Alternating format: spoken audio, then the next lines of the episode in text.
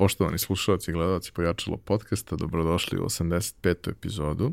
Ja sam vaš domaćin Ivan Minić, nas i u ovoj epizodi podržava Epson, a danas imam to zadovoljstvo da ugostim čoveka koji mi je napravio prvi šablon za fakturu, jer sam ja mislio da znam da ga napravim, poslao fakturu njemu i onda on rekao, vidi, vidim da si na početku, dobar si dečko, da ti ja to ipak napravim, pošto ne možeš ovako da šalješ ljudima. Moj današnji gost je Dušan Uzelac, koga mnogi od vas možda znaju kao osnivača sajta kamatica.com i osobu koja prethodnim, prethodnom periodu dosta nekih interesantnih uh, stvari objavljuje na svom LinkedIn profilu.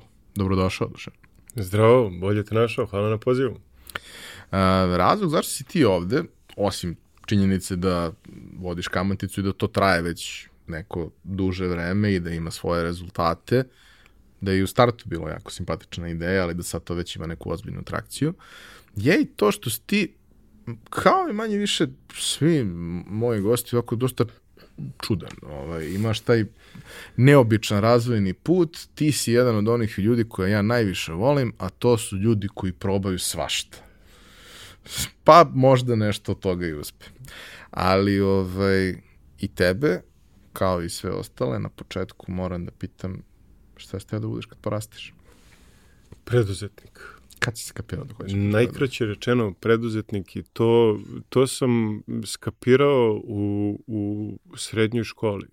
E, bile su tu naznake, ono, mislim, to te usput pitaju, svi, svi ja, ono, šta ćeš budeš kad porasteš, Nikad nisam teo da budem ni doktor, ni pilot, ni ne znam ni ja šta. Bio je neki automatizam školovanja koji se dešavao zbog okruženja i sad mi smo ta generacija koja, koju su u škole upisivali roditelji u, u, u maniru nastavi, u ovom si dobar, znaš, nije bilo ono opredeljenja, ajde vidimo šta ti, šta ti najviše paše. Ne kažem da se ja tu nešto mnogo pogrešio, ali ja se dan danas sećam recimo mojih svezaka iz srednje škole da sam ja upisivo imena svoje firme, da sam ja isprobavao kako će da izgleda logo, gde će to da bude. Sad, kad uzmemo u obzir da, da je to recimo nekih 16-17 godina, da ovaj e, prosto tada ni preduzetništvo nije bilo na nekom nivou e, razvijeno, a ja opet od roditelja koji, koji su nepreduzetnici se onako opredeljujem u, u tom nekom putu. Sad ja to opredeljenje e, delimično i, i pripisujem time što, što se nigde drugde nisam ni, ni prepoznao. Pre ja prosto nisam imao u glavi sliku da, da, da me prosto neko zaposli. Mislio sam, ajde, niko nije lud. niko nije dovoljno lud da, da zaposli neko ko, ko eto, prosto ima um, problem sa držanjem u mestu, problem sa, sa, nekim, sa nekim konceptima koji nisu e, jasno objašnjeni, problem sa sa recimo ustaljenim okvirima i to je onda da kažem kad sam počeo da osvešćujem te neke poglede na svet bilo opredeljenje, preduzetnik. I onda su se dešavali te manifestacije preduzetničke aktivnosti, ja tako da kažem, e, u srednjoj školi sam radio ovaj, grafičke radove za novce, Znači, to je bilo onako prva molim tezga. Lepo, molim lepo. Kada imaš neko znanje ovaj, da nešto odradiš, pa ovaj, onda sam vrlo brzo i napredovao u tom poslu, jer sam otkrio fotokopirnicu na pausu, tako da je samo jednom bio potrebno da se uradi ovaj, grafički rad, onda je samo trebao da se fotokopira, to su bile slatki novci u to vreme pogotovo. Onda su krenuli mobilni telefoni i to kao rastuće tržište je mene bilo onako zanimljivo, pa sam tu našao sebi prostor u onim, ako se sećaš, sećaš sigurno onih data kablovi, znači to da, je bilo da. prebacivanje e, imenika, ringtonova, sličica onih na logoa na ekranu i za sve to trebao uh, bio je potreban taj data kabel koji se kupovao, ja sam trgovao i onda sam našao i šemu da ga napravim onda sam ušao u proizvodnju. Sad to, onako, proizvodnja je teška reč za, za taj oblik e, lemilice, onako, na, na stolu i komponenti koje se skupe na gomilu, ali e, pravio sam data kablove, od tih data kablova sam posle pravio i opremu za za dekodiranje, ajde, to je na kraju krajeva interfejs koji komunicira s telefonom, samo je software pitanje šta, šta radi telefonu. Tako da, prodavao, naravno, nisam to radio onako, for fun je bio da to se napravi, jer je taj, taj izazov, da li ja to mogu, ono što, što je meni od uvek bio pokretač, kad sam vidio da mogu, onda kažem, dobro, ovo je tako zabavno, da vidim da li ja mogu od ovoga da neke novce zaradim. I, I onda su tu krenule, da kažem, sve te preduzetničke manifestacije kroz tada halo oglase, to je bila preduzetnička biblija, ja je zovem tada. To je tada bio kupujem prodaj. to je tada, pa apsolutno, mislim, to u to vreme je to mene bilo stvarno izvor svih informacija i ja sam to bistrio na, na poseban način, mislim, ja sam... Research. Potpuni research, mislim, ono, i ta statistika, i danas je to na neki način moguće E, dovoljno je, ja sam to koristio da bi se opredelio kao za industriju kojom ću, koju ću se prikloniti, da kažem, e, brojio strane u različitim kategorijama. Jer ono, najveći broj strana u kategoriji automobilizam, nekretnine, je recimo ovaj, značilo da tu ima novaca, da se tu nešto dešava i da to tržište ima, da kažem, potencijal, potencijal i prostora za preduzetničke aktivnosti. I onda, i onda se desio internet. I onda je ta, ta pažnja, recimo, tih nekih aktivnosti ovaj, se preselila na, na, na internet i, i, i na sve to što, uh, što se u to vreme, da kažem, dešavalo. Internet je bio sad iz ove distance, gledamo, prilično glup uh, u tim prvim godinama upotrebe, što, što je danas i, nekako logično, kao tehnologija, kao vidi šta ćemo s njom, niko ne zna ko je li da otvori mail, šta će mail kada imam i faks i to je bilo onako učesto odgovor i nisu ljudi ni doživjeli taj internet dok nisu imali sadržaj za internet to i ja nekako mislim da je za jedan deo ljudi to bilo vrlo značajno jer im je omogućavalo da se suštinski besplatno čuju sa ljudima koji su u Kanadi, Americi, čega je tada bilo dosta. Taj deo negde mogu da razumem. Da, da pismo ne čekaš mesec dana, nego ono zapravo stigne, ali sve drugo niti si imao sadržaje, niti si imao način da jednostavno pretražiš taj sadržaj na adekvatan način. Uh, jednostavno mnogo manje toga je bilo, posebno ako pričamo o, o, o sadržaju na srpskom jeziku, toga je bilo bukvalno u tragovima. Da, ja sam imao problem, recimo onda sam počeo da istražujem internet, naučio i osnove, da kažem, onog tada HTML-a i počeo i da, da programiram uh, sajtove, da bi to kasnije pokušao da prodajem. Uh, I ono što je bilo, recimo, tada mantra je šta će mi sajt kad nema nikog na internetu. A to je taj začarni krug koji je teško objasniti ljudima, mislim, ono, kao, pa naravno nema niko na internetu kad nemaju ništa da vide na internetu. I to je upravo to što si malo čas rekao. Znači, ono, dok se nije napravio momentum... Dok se nije desila sadržaja.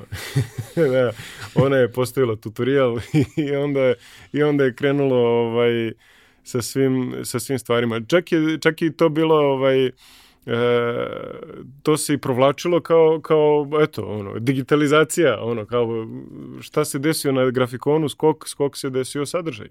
Tako je, uvek postoji nešto što ljude povuče da krenu da rade stvari koje do tad nisu radili. Da li je to uh, izbor muzike, mada za to ti opet treba infrastruktura, mm. nadaje lapo, ne možda skidaš muziku, mm. skineš jednu pesmu i onda uživaš u njoj neko vreme, pa, pa tako u krug. Ovaj, Ali da, onog trenutka kad je razna vrsta sadržaja postale dostupne, onog trenutka kada si, da kažemo, umrežavanje je pojednostavljeno na način da ne moraš da budeš inženjer da bi mogao da, da se mhm. umrežavaš sa ljudima, tada su stvari počele da postaju i, i, i masovnije i o tome je počelo mnogo više da se priča i Jeste, ja imam, dobili smo to što imamo danas. Jeste i, i, i stvarno taj period to je, mislim, aktivno se svodilo na to da je postojao halo oglas, o, halo oglas ima, znači, moj oglas, radim internet stranice e, i, i sad sećam se jednog perioda kada me u jednom danu, mislim, to je tako bilo redko da te neko pozove i kad te pozove, mislim, to je sve bilo onako više na nivou hobija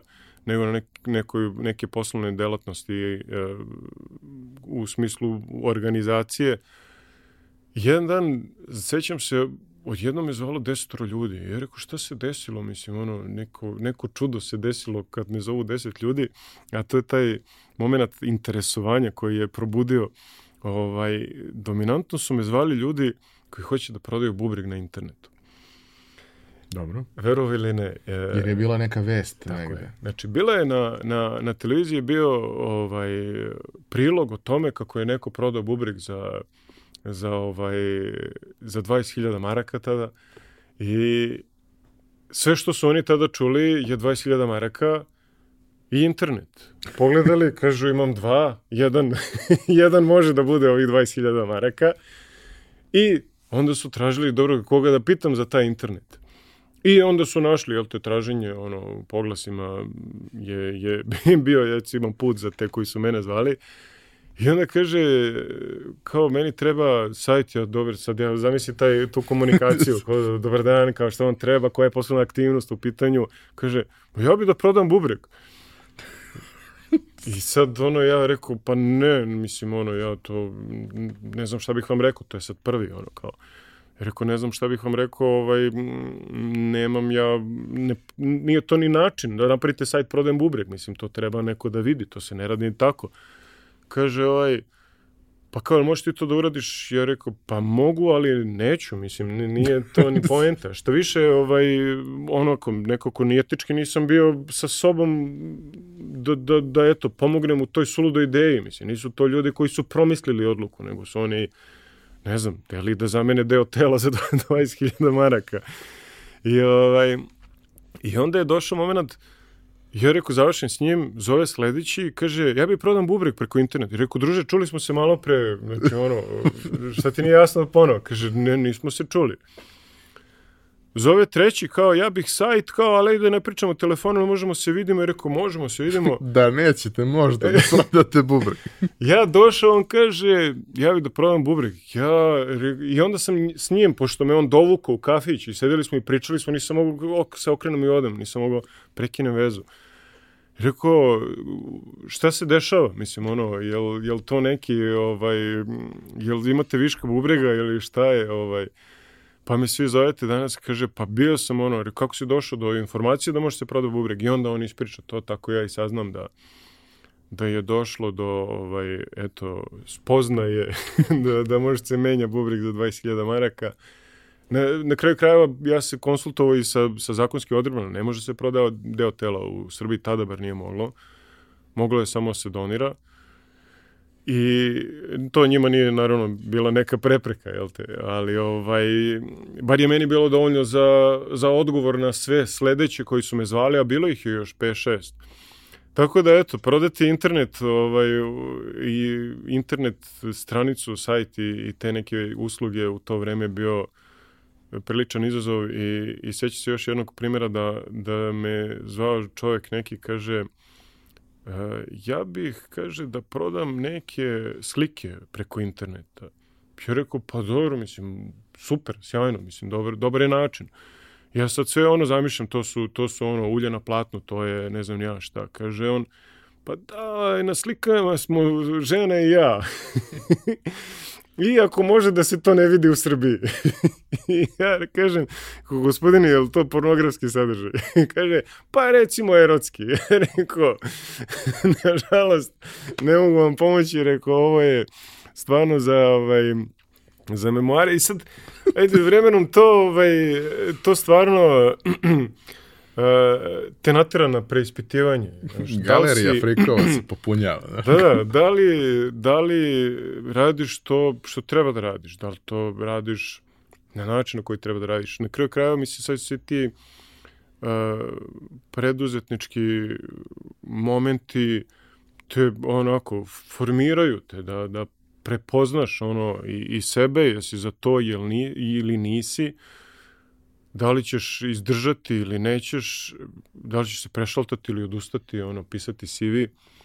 Ja inače nikad nigde nisam radio, mislim, ja prvo što sam radio, otvorio sam firmu, mislim, to je ono isto ovaj, zanimljivo kao, kao put, dosta ovako glup put. ali ovaj... Mislim, nisam ni ja, ako ćemo iskreno. Ali e, razumeš celu tu dimenziju, znaš, ono Dijagnozu, prosto, razumem ovaj, da, da, ovaj, imamo istog doktora. Ali eto, odrazilo se na našim frizurama, ta cela verovatno ovaj, Dobro, priča. znaš kako kažu, ovaj, nedostatak kose, testosteron, muškarci Da, da, da. su sa viškom testosterona, muževni i tako dalje. A, samo sam hteo da te vratim na formalno obrazovanje i o kojim godinama pričamo. Kad si ti krenuo sa tom pričom sa webom? Pa ja sam sa 25 godina otvorio firmu i tada su počele već aktivnosti, uh, aktivnosti internet, da kažem. Koje su to godine? Uh, pa to je recimo 2000-te, sredina 2000-tih, znači uh, formalno obrazovanje, završio sam tehničku školu Petar Drapšin, Beogradsku. Uh, to je ovaj i to su to su te te lude godine mislim onako ne onako zabavno iz iz imena filma lude godine nego stvarno su bile godine koje koje su iznedrile generacije onako posebno ko, ne mogu kažem sad to bi bilo otporne da, da sad nešto, neke etikete lepim, ali e, slični smo tu generacija 78. godište i, i, i tih godina, mislim, ono šta smo sve proživjeli, e, kako su nam zamenili detinjstvo za te brige, ono, pazi šta gledaš na ulici, uh, ići u školu ako najde tramvaj, ja sad to, sećam se odlaska u školu, češće smo išli na tramvaju nego u tramvaju, mislim, ono, to se iz blokova išlo na, ako dođe dupli tramvaj, spakujemo se nas dvoje, troje između dva tramvaja i stigneš do, do, uh, do Dorčela gde, gde je bila škola, ali uh, ceo taj da kažem, uh, mi nismo znali da li je to normalno i nenormalno. To je To je bilo, tako. To je tako, prosto ono, it is what it is, nisi mogao da, niko nije mogao da ti kaže to, to je nešto drugačije nego što bi trebalo. Ti patiš ili ne patiš, ono. Zato kažem, nije, nije nam to ništa teško palo. Nije nam to ništa teško palo i nismo znali ni, ni za bolje ni za lošije. Tako je. Tako je kako je bilo.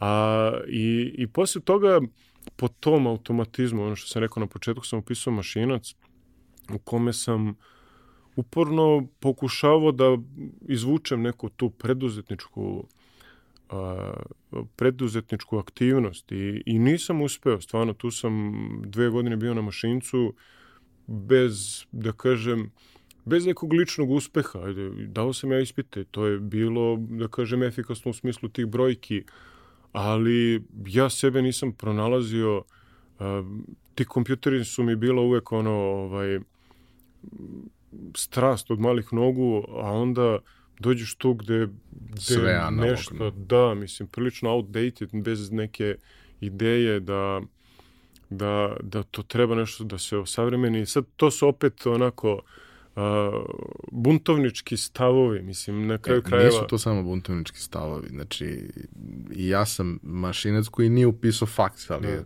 išao u srednju školu mašinsku. Imao sam neke kontakte sa, sa fakultetom i neke ljude, prijatelje koji su tamo i predavali i tako da ja se sećam priče o strugu koji postoji u podrumu fakulteta koji se i dalje koristi, Mm. koji je tipa iz 1912. godine To su koja je najbolje serije. fabrika htela da otkupi Da. za muzej. Da, da. Zato što kao, ljudi, to je jedini koji je i dalje u upotrebi. Mm. Sad, da li su baš unutra svi delovi originalni, vrlo verovatno nisu, snalazili su se ljude kako god, ali kao, to je i dalje u upotrebi. Mm. Sećam se još jednog primjera, nije baš sa, sa, sa mašinca, ali je sa šumarskog fakulteta koji su inače gomila ljudi koje znam jako hvalili, recimo nekoliko ljudi koji prave fantastičan nameštaj, su kompletan svoj inženjerski background pokupili na tom fakultetu i, i sjajni su. Tamo je u jednom od udžbenika, za koji inače kažu da je fantastičan i generalno sve te stare Mm. knjige su bile jako dobre, ali taj udžbenik tipa iz 40. godine stoji u udžbeniku rečenica očekujemo da će u narednim decenija krenuti masovnija ma, mašinska obrada drveta. Ja kao, E, ne, Dobro. nema više dleta. ali suština je da su oni naučili sve o materijalu, o prirodi materijala i onda posle kad dođe mašina na to, to rešava stvari. Ali taj sam, samo opredeljenje je mnogo manuelnije, mnogo analognije od ovoga što smo mi negde hteli kao mašinci. Jeste, jeste. I ja sam na sve to, ja sam onako mindsetom inženjerski opredeljen, otac mi je, otac mi je bio isto inženjer i, i on onako i sistemaš. I ja sam onako sve morao da, da otvorim da vidim št, kako to radi. Ta radoznalost moja, ja sam sa 7 godina dobio Sinclair Spectrum tada uh, sa osam sam ga otvorio da vidim šta ima unutra. Mislim, ono, sad to možete u, u današnjoj dimenziji zamisliti da, eto, date detetu, ne znam, MacBook i on ga sledeće godine otvori da, da vidi šta je unutra. Znači, nije ni... I jel si ga imao i nakon toga? jesam, jesam. Meni je to bilo zanimljivo samo da vidim šta ima unutra. Naravno, nisam razumeo sve to unutra, ali sam morao, ono, ta radoznalost, ovaj, sestra je patila sa, sa igračkama jer sam sve otvorio da vidim šta ima unutra. A, a ta radoznalost me je vozila e, sve vreme i, i kada, eto, recimo na tom formalnom obrazovanju nema zadovoljene te radoznalosti kada su to koncepti i, i nešto što je što je to temeljno obrazovanje na kraju krajeva, to jeste taj taj fakultet da on ti temeljno ono izgradi neke neke stvari koje ti da kasnije daje da da unapređuješ onda stižu ta razočaranja koja, koja te opredeljuju, vozaju, preispituju uh, i sad da se vratim na, na, na taj put uh, nisam, nisam izdržao na mašincu i, i onda sam se prebacio na, na ekonomiju. Ali Kao sve vreme je to potraga za, za, za upotrebnu vrednošću mojih unutrašnjih pobuda, preduzetničkih pobuda. Znači ja sam sve vreme tražio preduzetničko obrazovanje i, i nisam ga našao ni na ekonomiji. I tu sam došao do, do, do druge godine i sećam se jedne isto situacije gde sam bila je skriptarnica ona ispred, ispred ekonomskog fakulteta i, i kupovali su se knjige, upisao sam drugu, kupovali su set knjige, ja prepoznam knjigu Ponašanje potrošača. Onako, meni je to jako onako zanimljivo u to vreme bilo i svakom preduzetniku ne znam da li, je, da li postoji nešto bitnije od onako špijunke u, u, u mozak potrošača, znači način ponašanja, kako funkcioniše sve to. Meni je to toliko bilo onako zanimljiva knjiga, ja sam je uzeo, rekao, uzet ću ovaj komplet za, za drugu godinu i uzet ću i, i, i ovu knjigu ponašanja potrošača i ovaj čovjek mi, što prodaje knjige, znači to je sad jako bitno za priču, on prodaje knjige, ja sam njegov potrošač. I uze mi knjigu iz ruke i kaže, nije to za tebe, to ti je tek ono četvrta godina, tada u opredeljenom nekom smeru već. Kaže, to, to tebi treba ovaj set. I ja sad ono uzimam nazad onu knjigu i kažem, jesi ti pročitao ovu knjigu? Rekao, potrošač? ja, rekao, možda, rekao, ti sad i ovde živiš, ono, od ovoga živiš, rekao, jel treba nešto više ti objasnim, da, da treba da mi prodaš ovo. I ovaj, nisam uspeo da mu objasnim, kupio sam knjigu, čitao sam je ono, nju sam pročitao pre bilo koje od ovih koje su mi bile obavezne, ovo je bila neobavezna. Ali eto, tako nekako sam se formirao sa tim nekim stvarima i onda sam vremenom uh, shvatio i razliku između znanja i zvanja. Nekako danas, nažalost, postoji jedna uh, degradacija celog tog obrazovnog sistema u, u Srbiji i sve te uh, sve te degradacije na raznim, u raznim esnafima, mislim, ono, od, od, od, ovaj, od svih, da kažem, industrija ima tu, pogotovo u obrazovnom sistemu se razdvojio taj moment znanja i zvanja, nekako češće, češće ljudi biraju papir od konkretnog znanja. Ja danas kao već neki uh, poslodavac koji sam zapošljavao i, i vremenom uh, imao te konkurs za posao sam prepoznao to, mislim, to je sad da kažem empirijsko iskustvo gde dođe sa, sa celom tom paletom svih tih papira, ali nema nema onako ono upotrebljivu uh, sposobnost u nekoj poslovnoj aktivnosti. Znači, neformiran to je, to je sad neka druga priča, ne bih, ne bih da otvaram to kao, kao temu, kompleksne, nije to ni sve tako crno-belo, ali um, poenta priče je da, da sam ja bezuspešno tražio preduzetničko znanje u sistemu koje nije čak gajilo preduzetnika ni u široj slici, a kamoli kamoli u, u, u namenskoj obrazovnoj kategoriji. Jer kad jedno društvo želi da gaji neku struku, jel te gaji prvo od, da kažem, ambijenta pa do, do formiranja tih kadrova. Jel te? Kod nas je preduzetništvo Sad to su posledice ono nekog okruženja u kom smo, ja to često ovaj, vezujem i za taj uh, komunizam koji je dugo bio ovde, socijalizam gde kaže svi smo tu zajedno, gde su se te neke mantre zamenile, gde kaže bratstvo, jedinstvo, jednakost, sve te mantre su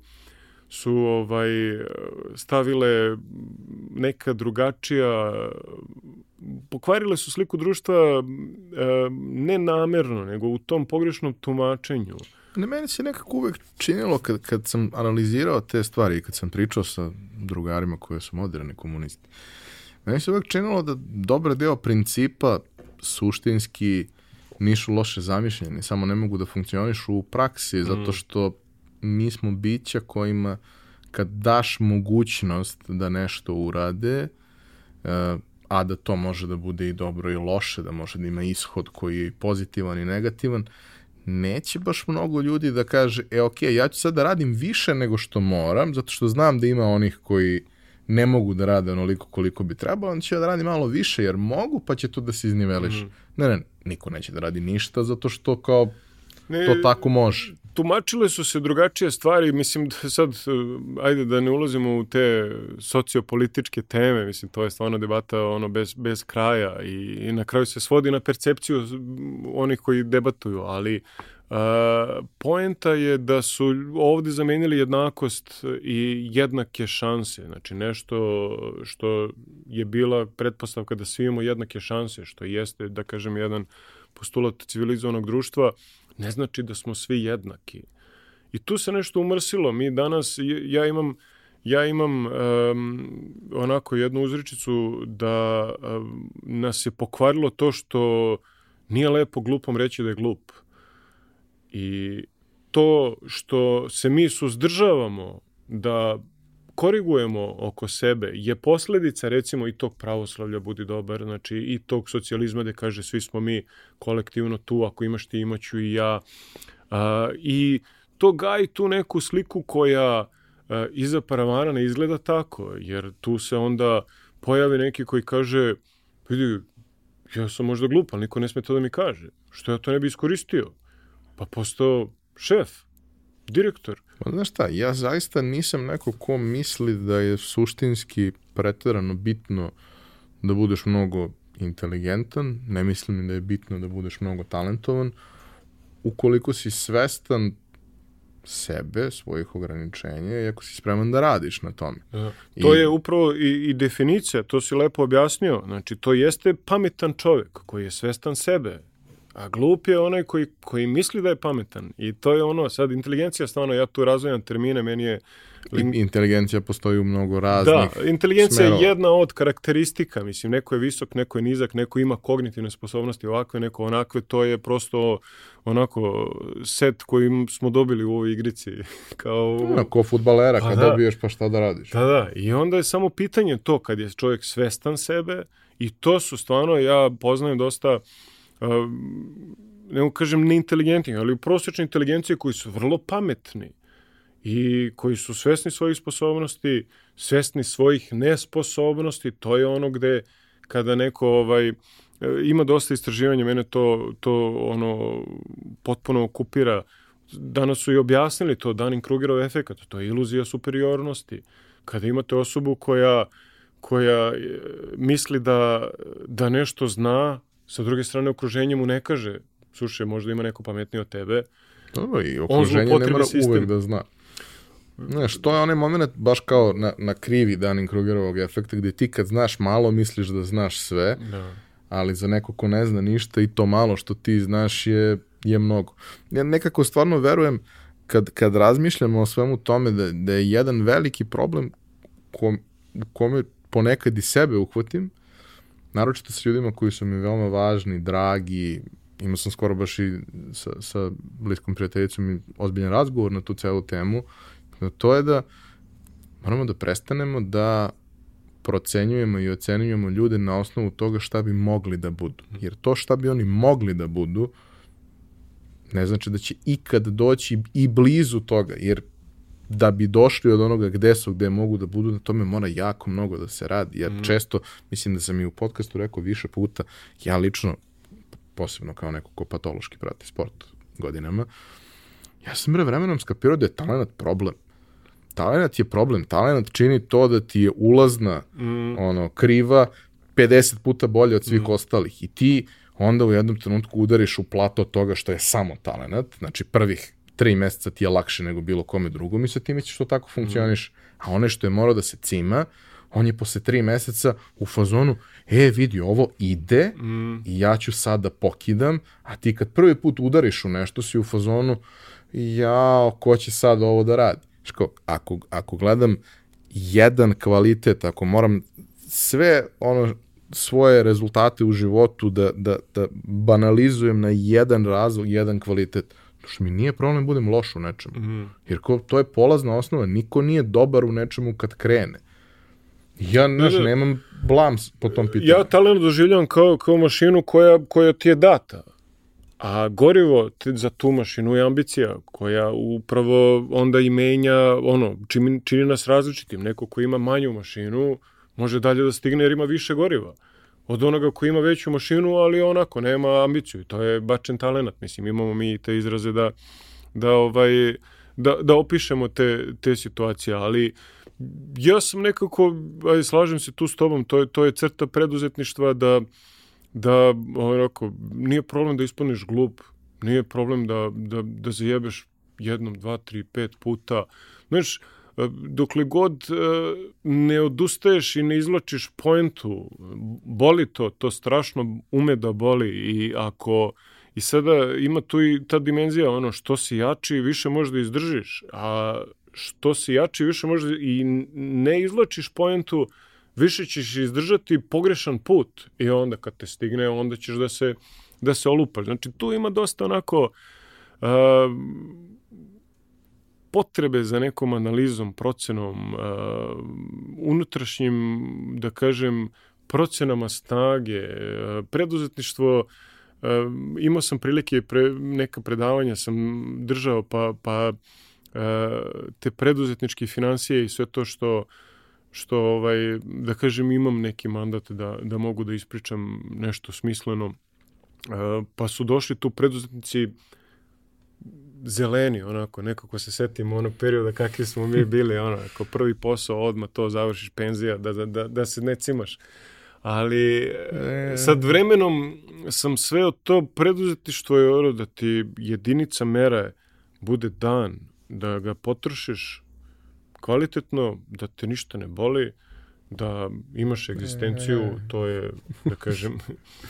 I ako to ostvariš, uh, to možeš da ostvariš sa time što radiš ono što ti nije teško da radiš, jel te? Znači, vremenom to onako postaneš um, slabiji, manje možeš da izdržiš teret, pa onda sa tom situacijom dolazi mudrost da kažeš, pa dobro, što ja ne bi radio ovo što mi je lakše? Da bi se ispostavilo da ono što ti je lakše nešto voliš da radiš. I onda kada spojiš te neke stvari da, da, da iz toga možeš da zaradiš, to je, to je par excellence priča, jer to onda generiše i egzistenciju, i zaradu, zarade, zarade manifestacija. Mislim, ono, ja to pokušavam i novac je, novac je ovde posledica, posledica baš tako. I precenen, precenjen je kao, kao, a, kao roba. Čak nije ni roba, ali tako ljudi to doživljavaju, zato koristim taj termin. Znači, novac ne postoji, o, nema upotrebnu vrednost bez nas, on je kondenzovan rad. Znači ono što mi radimo, to se rezultira u novcu i, i to je, uh, taj novac je često zabluda, što ja pitam ljude, reko, jel bi pre voleo da imaš milion evra ili znanje kako da, da zaradiš milion evra?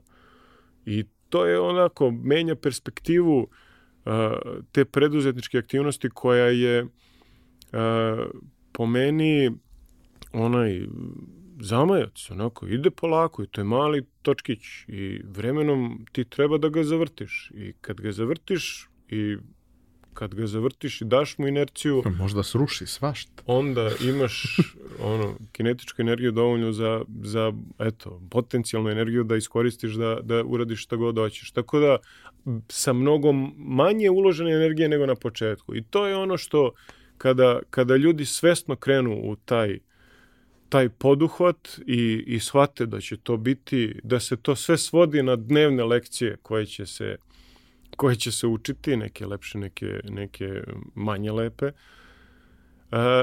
onda se onako rasterete. Znači, onda, Neka onda dođe onako kao, šta, nije mi platio, zatvorio firmu, znaš, ne vataš se za, za glavu, kažeš, dobro, živ sam, zdrav sam. Ja sad ovako, posle, posle već uh, 17 godina imam preduzetničko zvanje, onako kad vratim film, kroz šta sam sve prošao i kao, dalje živ. Znaš, i t- taj neki moment osvešćivanja kažeš, pa to je nije bilo tako strašno. Mislim, ja, ja sećam se, ja sam Ja sam ulazio u apoteke do ono table, table Ranisana, to su bile ono kao, kao žvake danas, znači ono želudac i sve to ono što te sve stigne, ne možeš se izboriš. E, ne znaš, toliko si duboko u tome, znaš, ono, imaš i ličnu, e, ličnu borbu, da kažeš kako ću pred druge, znaš, ono sad zavisi kome je šta teže, ono, kako ću pred druge, kažem, ja sam ovo probao, 7 godina ne ide.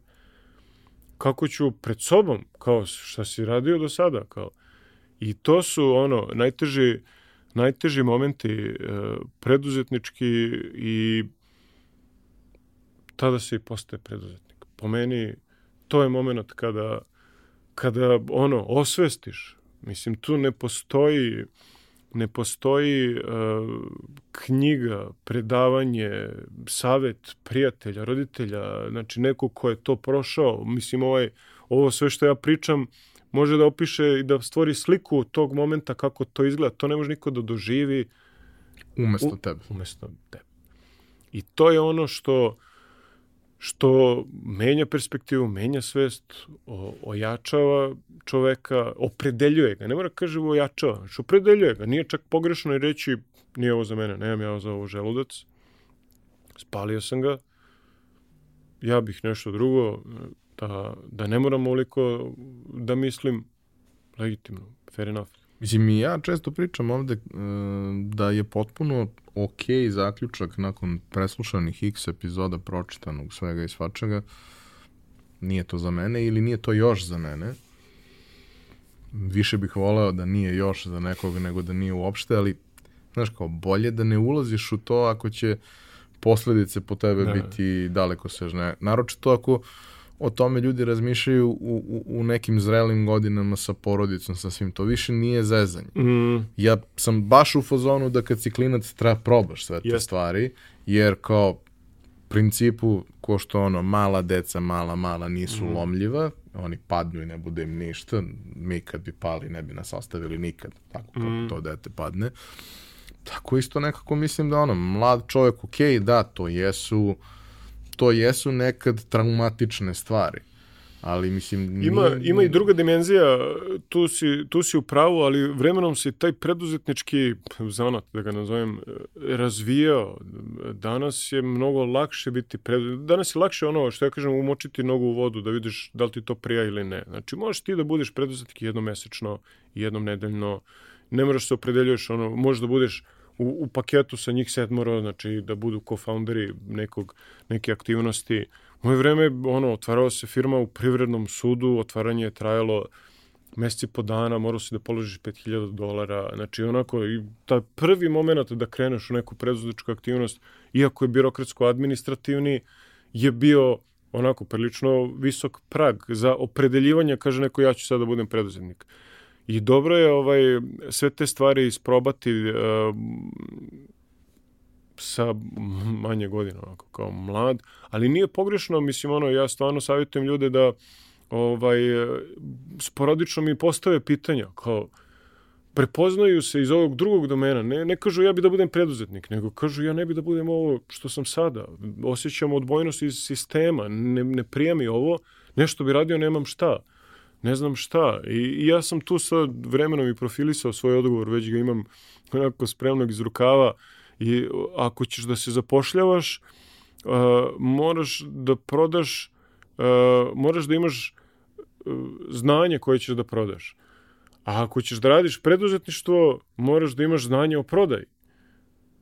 I poenta je onda na kraju radi ono što znaš da prodaš u preduzetničkom smislu, uh, jer tu i postoji, iako i, ajde, većina nas kreće tim putem, ono kao, aha, znam da napravim sajt, da napravim agenciju koja pravi sajtove, napraviti sajt i prodati izradu sajta su potpuno dve dimenzije i to, to ljudi brzo osveste, onaj ko zna da šiša, ajde ti, ja, ne, ne znamo te ljude. Ali postoje te struke, frizeri. Čuo sam. Čuo sam i ja. I, ovaj, i, i frizeri otvaraju frizerske salone. Ajde, to su onako delatnosti koje su koje su te lokalne, lokalnog karaktera. Dobro, kad god je u pitanju nešto što je prvo zanatska stvar, drugo esencijalna ne, ne. stvar, znači ono, ljudi moraju se šišaju. Jeste. Ne neki, moraju svi. Neki. ne moraju svi. Ali čak i ja idem kod ono istog frizera 15 godina ne. zato što me mrzi da se ja šišam, a drugo ne umem da sredim da, da. bradu jer on naraste u sve da, moguće da, smerove. Ovaj, ali kao, znaš, i tu kad pričaš ista, ista je varijanta, znači moj frizer deki koga ja obožavam, kod koga idem skoro 15 godina, ne može da nađe ni jednog klinca koji će da radi zajedno sa njim. I svi klinci koji dođu budu super tri meseca i onda pomisle da mm. oni znaju sve. Mm. I otvore svoje. I, mm. I zatvore. skoro svi propadnu. da.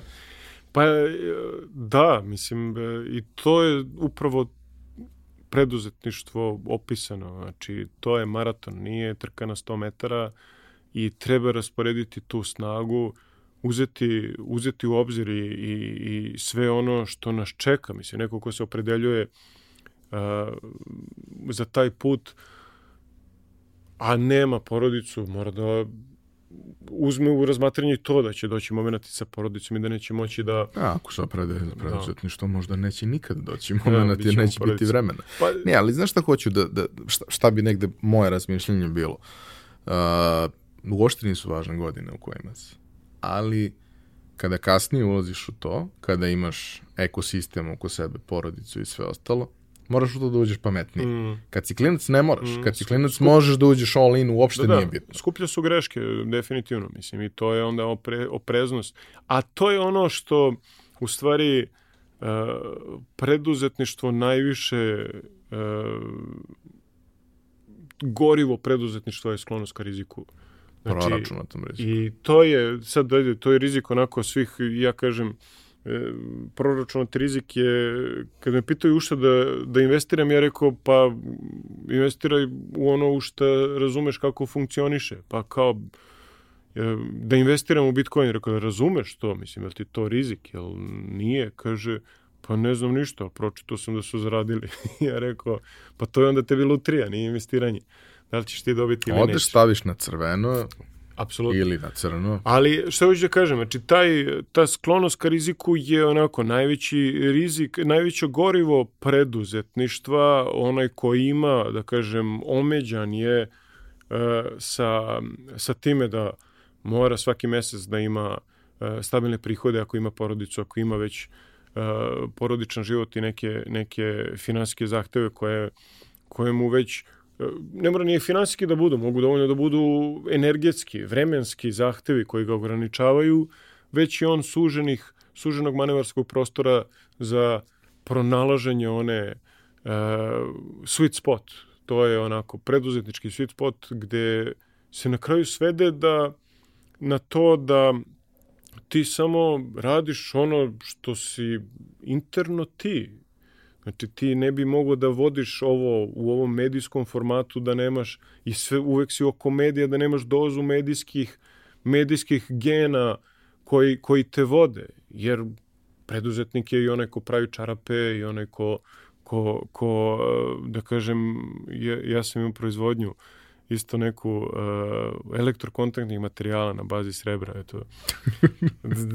da, zvuči stvarno tako i to je ovako jedna aktivnost sa e, sa tatom, ja sam već imao firmu, on je predložio da to, to nešto radimo I bio sam rekao, što da ne, mislim, zato što prosto sam onako open-minded preduzetnik, pa sam ja uronio se u celo tu priču i tehnologiju i kupio mašine i obračuno o, pre, preračuno tržište, napravio, da kažem, neke iskorake te preduzetničke, na kraju se ozbiljno lupao tu celu priču, jer ovaj, to je uh, poenta priče je da je sve moguće i meni je to bilo jako dobro iskustvo da shvatim šta neću. Jer sve vreme sam razmišljao, pa čekaj, mislim, ima nekih, ono, ti kompjuteri, taj internet, to programiranje, to, to će rasti, to neće onako manje biti, a meni je to, ono, to bi radio i džabe, mislim. Ja sam, recimo, često stvarno imao problem da odredim cenu za neke za neke stvari onako pitaju koliko to košta ja rekao ja u glavi onako joj pa ja bi ovo radio i džabe mislim kad je neki izazovan projekat i stvarno tako mislim znači ono meni ovo kada je tu novo znanje nova onako primenjena kreativa znači ono kombinacija nekih stvari sloboda sloboda projekta onda kažem, pa mislim, ono, meni je novac je samo čist plus. Ja već imam zaradu u, u formatu znanja, iskustva, otvorene neke novog poglavlja i, i to je e, to je ono što, što ajde, ja mislim da, da mene održava na površini sad, da, da, da ne tumačim da li je to uspeh ili neuspeh, kažem, na, na površini, da moment uh, prestrojavanja mi nikad nije problem. Kaži mi, dakle, pričali smo o, o početku tvom uh, ulasku u web priču, halo oglasima, marketplace-u za bubrek koji nisi hteo da napraviš. Ovaj, ali ti si nastavio da se razvijaš u tom smislu. Jedan od m, krajnjih produkata toga je i kamatica. Jeste. I pričat ćemo i o njoj. Ali kako se to od nečega što je uh, hobi stvar ovaj, razvilo do ovog nivoa da, da mislim, odnosno, kako se u stvari suštinski ta cela priča razvijala? Pa, imao sam proizvodnju. I ta proizvodnja, ovo što sam malo čas rekao, je bila uh, vezana onako za neki poluproizvod za elektrokomponente, elektrogalanteriju i to je lepo krenulo bila je, da kažem, stabilna priča, recimo, šest meseci u godinu dana. Nakon toga su umesto para počele kompenzacije. I to je ono, dođem ti, dođeš mi, nije bitno šta košta i onako neću ti platim. Pa onda kažu, nemam ti platim, ajde uzmi robu. Reku, šta ću ja s robom? Mislim, ono, ja da znam da prodajem tu robu, ja bio prodavac. Ja znam da napravim onaj proizvod koji nema nigde u Srbiji, nema nigde u regionu, sve se uvozi. Ja sam napravio i, i, i moment uvoza mašine da, da pokrijem recimo te bimetalne zakojice kao, kao proizvod, da bi na kraju se svelo na to da sam ja u zamenu dobio bukov parket, čips, šoder, naftu, ne znam šta mi sve nisu nudili. Viljamovka Takova, ja sam recimo svoje vremena dobio to... Opal i Viljamovka Takova, kao šta, šta radi?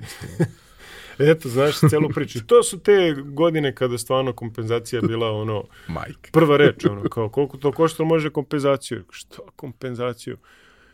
I ja sam ono shvatio da ja ne, dogovori se stvaraju i prave u kafani, čak ne ni u kafani, u kafani se jede i pije, prave se na, na parkingu kad se ide kući onako. Ja rekao, pa ne, mislim, ono, ne mogu to baš da se uklopim, ne prepoznajem sebe u tom maniru onda uh, rekao, daj, sve je otišlo u propast, mislim, ono, dugovali su mi Boga oca, ja sa druge strane suv keš davo za, suv keš gotovinu za, za bakar i srebro, to su bili sirovine, onako, berzanski proizvodi, nema tu, neko te sačeka za te stvari. I ja stavim prst na čelo i kažem, čekaj bre, znači, to je taj, ajde, moj haloglas i mindset. Rekao, daj da ja izaberem neku industriju gde su klijenti likvidni, gde ja mogu nešto da uradim što oni ne mogu sami i gde ja mogu da napravim nešto što će imati uh, temeljni moment, znači da nešto ne zavisi kad se to zaleti kao, kao priča, ne zavisi od mog prisustva i da li sam ja na odmoru ili nisam, da li će to raditi. I tako to ispade industrija bankarstvo, financije, nije bankarstvo ovaj, bilo isključivo, nego financije u, u celini. I tako je nastala kamatica. Teo sam da je nazovem kamata.com, ali ovaj, e, registrovao je domen jedan japanac, kamata. Tako da, ovaj... E, ovo je mal.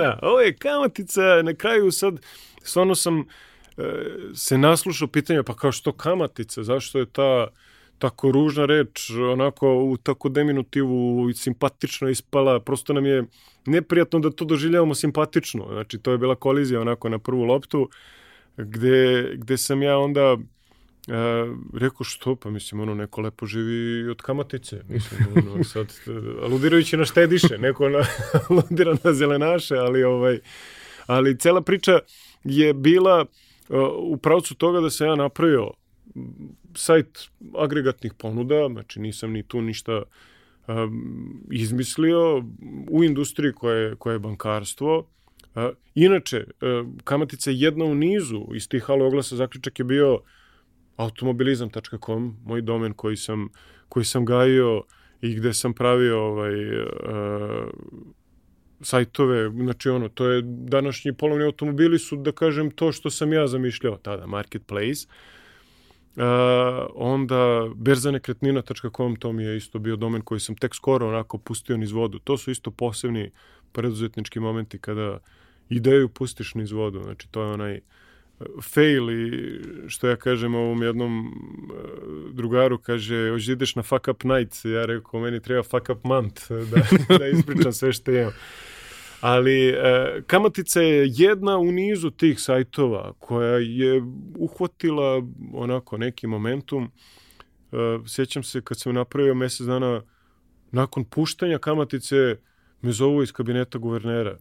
I rekao, šta sam sad napravio čoveče, mislim, ono, Radovan Jelošić tad bio guverner, onako, on čovjek proaktivno posmatrujući tržište kaže, mislim sad u toj nekoj našoj na, kasnijoj komunikaciji sam ja shvatio, on je hteo da vidi ko sam, šta sam, ko stoji za mene, čije interese zastupam.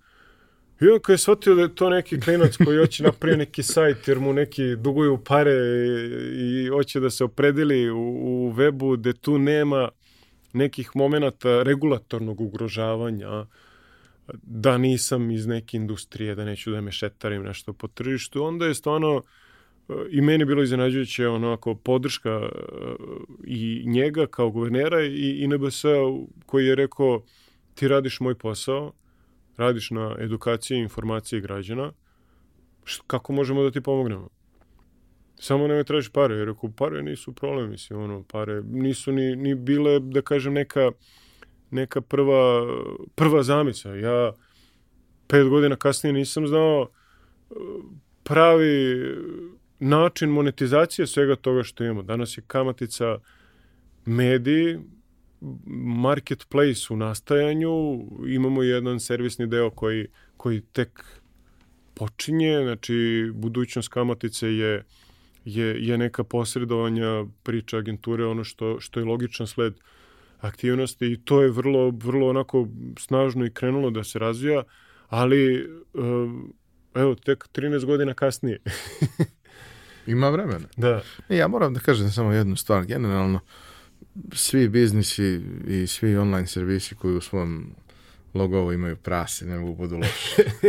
Tako da to sam samo ima jedna, da te primeti. Ima jedna anegdota, to u jednoj banci su imali kasice prasice i sada ide, možda sam ja, ja kažem da sam oteo taj logo, mislim ono, kasice prasice od uvek i pre, pre kamatice postojala kao simbol, jel te štednje. I ja kasice. se samo sećam jednog momenta kad sam bio baš mali, to je bilo ono običaje da dete ima kasicu prasicu koju se ubacuje Jugo banka je imala kasicu koja je bila čizma. Čizma.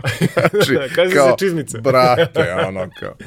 Ali, ne, ali ja sam, be, pričali smo u jednoj banci anegdotu, kaže, napravili su kasice prasice kao onaj promo materijal neki, ono, ko otvoriš za nedlju štednja, onaj račun prebaciš depozit i oni ti daju ovaj kako se zove te kasice i kaže podelili su oni po to ekspoziturama i iz ekspoziture Novi Pazar se vraća kao ceo kontingent. Kaže, šta radite ljudi? Kako delimo prasiće ovde u Novom Pazaru? Sad ajde, uh, zabavno je čizma, na, čizma. na, na religioznu temu, nije ništa pogrdno, ali je bilo eto zabavno kako je ovaj kako je tu, eto, bila greška u koracima na, na, temu, na temu logoa i praseta. Znači, ima gde i ne uspeva praset, to sam, to sam hteo da kažem.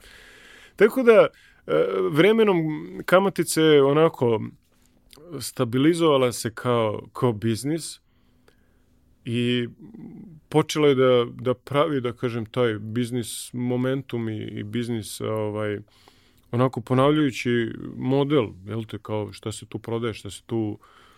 A u suštini, samo kad pojednostavimo, znači sam početak, to je bila agregirana ponuda, kao što si rekao, Jeste. kredite iz svih banaka. Odnosno, u suštini da čovjek dođe na jedno mesto Jeste. i vidi uslove Jeste. koji su svuda. Jeste. Pet, pet, pet e, stavke sam ja imao u zamisli, e, to su banke, leasing kompanije, osiguranja, investicioni fondovi i penzioni fondovi. Znači, nešto što je petorka onog neki financija koji se tiču, da kažem, e, običnog građana i, i to je bio neki I dan danas je na kraju krajeva kao neki set aktivnosti koje, set tema koje pokriva kamatica, ali zbog, da kažem, atipičnosti tržišta ovde su banke dominantne, dominantne, dominantni igrači gde, gde se novci vrte i, i tako je i kamatica postala kao bankarski, bankarski portal, ali da, agregatna ponuda svih, svih banaka gde je to bilo um, postavljeno u tabeli,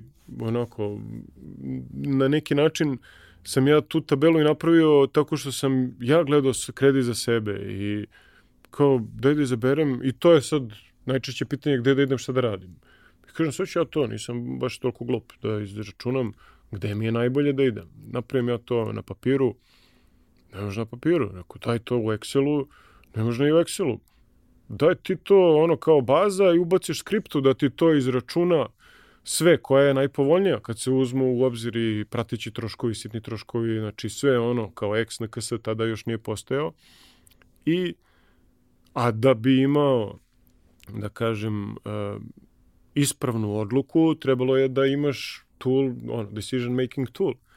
E, to je bio, da kažem, osnov kamatice. Moja, kao, moj pristup da nađem najbolji kredit koji se pretvorio u skriptu koja je bila i baza podataka i skripta i koja je bila na kraju ono, upotrebljiva i za mase. Kad sam rešio svoj problem, rekao, pa pomoći će ovo još nekome. I sad mogu da kažem da je bila instant hit u smislu uh, tajminga, teme koje pokriva. Ja moram da priznam, nisam bio uopšte dovoljno stručan da pokrivam temu. Ja ništa nisam znao ni o bankarstvu, ni o financijama ali vremenom e, onako što ja kažem sve piše. I ta moja onako želja i radoznalost da to otkrijem i da, da ne ispadnem glup, mene su već da kažem, počeli mediji da pozivaju misleći da ja nešto znam o, o tim financijama, a ja koji onako u, u Grču prosto sam morao da savladam financije kao... Ali imaš 14 godina.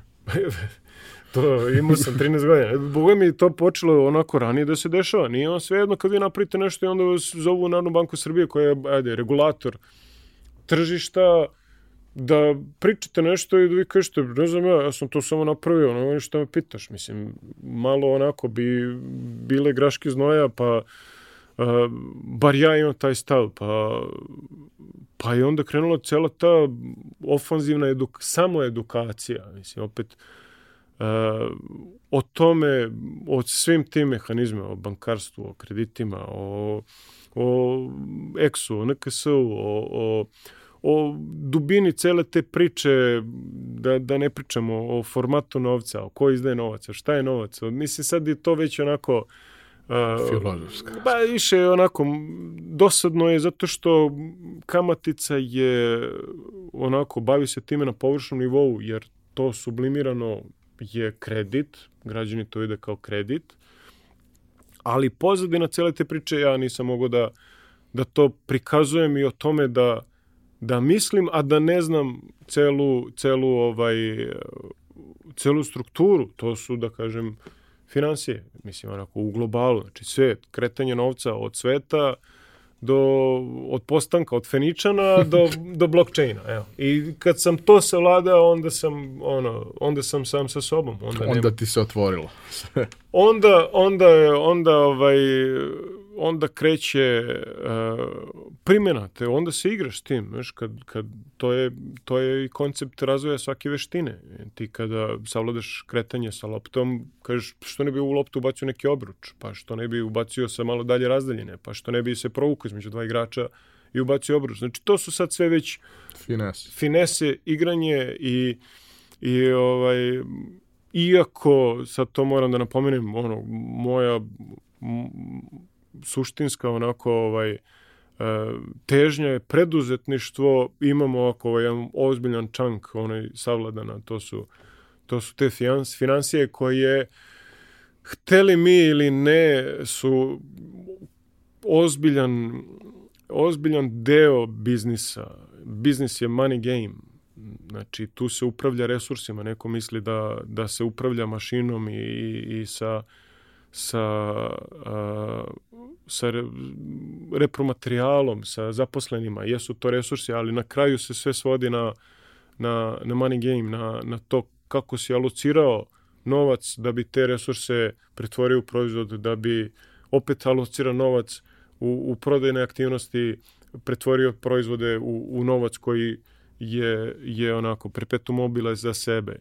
I I taj deo, koliko god um, bio, financije su dosadna stvar na ovim prostorima je čak i onako postoji jedna rezigniranost prema novcu usled nekih pogrešnih uverenja koje su nam nametnuli novac nije bitan, novac je prljav.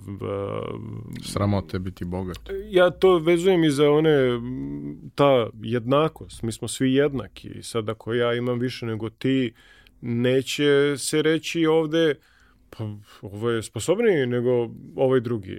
Reći će se odakle mu novac. Lopov. A, a mislim, ajde, sad možda ne baš lopov, ali bit će kao, čekaj, što ja nemam, on ima, nemam, ne mogu sad, ja ne, ne sudim, mislim, ono, ne, ne bavim se time, to mi stvarno, ovaj, ali vidim uh, u, u, u bezbroj situacija um, te zablude, zablude, onako pogrešno ustanovljene uh, poglede na novac.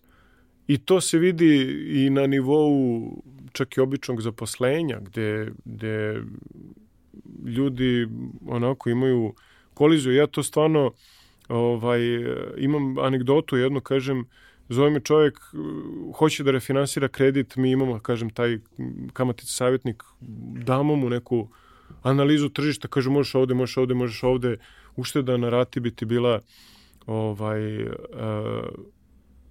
260 dinara. I on kaže, 260 dinara? E, kao ono, pa čemu vi služite? Znaš, ono, mislim, malo sad on sarkastično, kao, pa šta, šta mi to znači? Pa šta si ti očekivao? Ja rekao, pa, jel biste vi volili povišicu plate? Ajde, imali smo neku onako komunikaciju bližu, pa, pa se mogu i da ga ja preispitam. Rekao, bi ti voleo da ti podignu platu 260 dinara? Kaže, bi. Pa rekao, ovo je tih 260 dinara. A ti ih nećeš. Rekao, e, to ti je e, kosmički konflikt. Sad ja to dižem na viši nivo, ali rekao, ne možeš ti u istom momentu i da želiš i da ne želiš. Znači, to, to ti je ono, i zato taj odnos naš prema novcu koji uh, je neka u redu je, zadrži kusur, onako često se nađe na ulici novac, kolektivno je, ima i čak ogromna zabluda ovde kod nas, zabluda, mislim, onako ugrađena greška sistemska koju, koja je toliko očigledna. To su ono, mi dalje gajimo one decimale na računima, znači mi imamo pare na papiru, Znači, Samo one ne postoje. Ne postoji čist račun u Srbiji, zato što i čist račun u dinar, što kaže, da bude tačno u dinar, nije tačan u paru, a imamo decimale, gajimo ih, sistemski ih gajimo. I to je uračunata greška. Znači, to je meni, to meni bode oči, mislim, onako, uh, zato što iz tih stvari se diže uh, temeljni odnos prema novcu, prema tom dinaru koji se nađe na, na ulici, I sada, onako, to se često amnestira, ono, sa izjavama kao pare nisu bitne, pare potrošim više nego što zaradim i tako te neke stvari koje su onako pokazatelj da da su financije dosadna stvar, e, da su e, da se ljudi njima bave kad su u problemu i te neke stvari koje sam vremenom prepoznao, sad ajde to što sam kroz taj moment e, kamatice savladao, savladao sam i financije, savladao sam i tržište, ja sad znam kako ljudi funkcionišu, čemu zna, šta znaju, šta ne znaju, šta im možeš objasniti, šta im ne možeš objasniti, I sve to im onda dosta, uh, dosta mi onako pomaže. Ja sad razvijam već neke modele da tu veštinu upravljanja novca pojednostavimo. To stvarno nije teško, nije, uh, to je veština koja je krucijalna za srećan život uh, i ne uči se teško i uči se jednom za ceo život. Ja to stvarno često poredim sa, sa vožnjom bicikla. Kad se nauči, ne može da se, da se zaboravi. A, a ovde, ovde mislim, ajde, to i u svetu je svugde slično, ne postoji uh, moment da su nas negde negde te ime naučili i da su nam objasnili bitnost, nego eto, naučili su nas da da ovaj, čak i u kući, mislim, ono, samo je lutrija uh, kod kojih ste roditelja zapali, znate, ako je neko uh, upravljao novcem efikasno od roditelja, vi ste imali, stekli ste, da kažem, ispravne okvire. Ja sam uh, rastu u porodici da je majka vrlo efikasno vodila i kućni budžet sa svim onim godinama izazova i plata, tri marke i, i to nekako i njeno manevrisanje je temelj s kojim ja raspolažem i kasnije nadograđujem i, i, i objašnjam, da kažem, ljudima nekako sada preuzimam tu ulogu e, edukativnu, da, da, da prosto tu veštinu upravljanja novca e, pojednostavimo i, i, i objasnimo. Znači, to je sad, ajde, prevazilazi okvire kamatice i to su neki projekti na kojima se sada uh, radi i, i evo, bit će to vidljivo, a možda i nećemo, ako se sledeći put budemo sreli pričat ćete da li je bio fail ili nije. Ali, što ću da kažem, da mi je neko rekao da će ovo biti put mislim, bledo bi ga pogledao, onako, rekao bi, pff, ništa je to, ništa je to ne verujem. Ali to je prosto onako, za preduzetništvo je potrebno, uh, pričali smo, pa ne znam koji je termin adekvatniji, ono, glupavost ili hrabrost, ono, pa smo definisali ono da ako si istrajan u glupovosti, to se pretvori u hrabrost. I, i to na neki način je se kod mene desilo. Znači, istrajao sam, olupao sam se, podigao sam se, olupao sam se um, i danas mi je taj, ta jedinica mere dana preduzetničnog onako mnogo lakše nego što je bila i, i onako uživam u pozivu koji sam izabrao. Mislim da si pronašao baš dobar, uh, dobru stvar kao, kao argument uh, tu celu situaciju koliko zapravo se kroz naše obrazovanje ni danas, a nekad naročito, ali ni danas zapravo ne uče te suštinske veštine koje moraš da imaš da bi mogao da živiš neki pristojan život. Znaš, vrlo često, daš pre neki dan si objavio video na tu temu, ovaj, da svi mi znamo ljude koji žive izvan svojih mogućnosti. A pritom u velikom procentu slučajeva te mogućnosti uopšte nisu male. Hmm.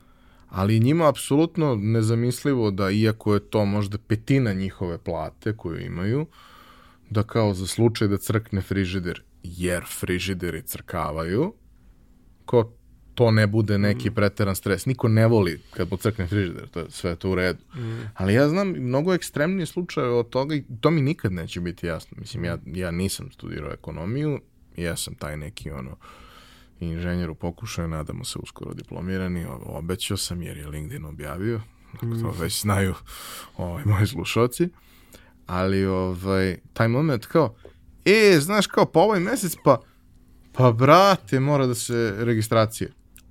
Jel, jel ti stvarno ne znaš kad će da bude registracija? To na lotu se Ne, ne. izvlači kad je Ne. registracija.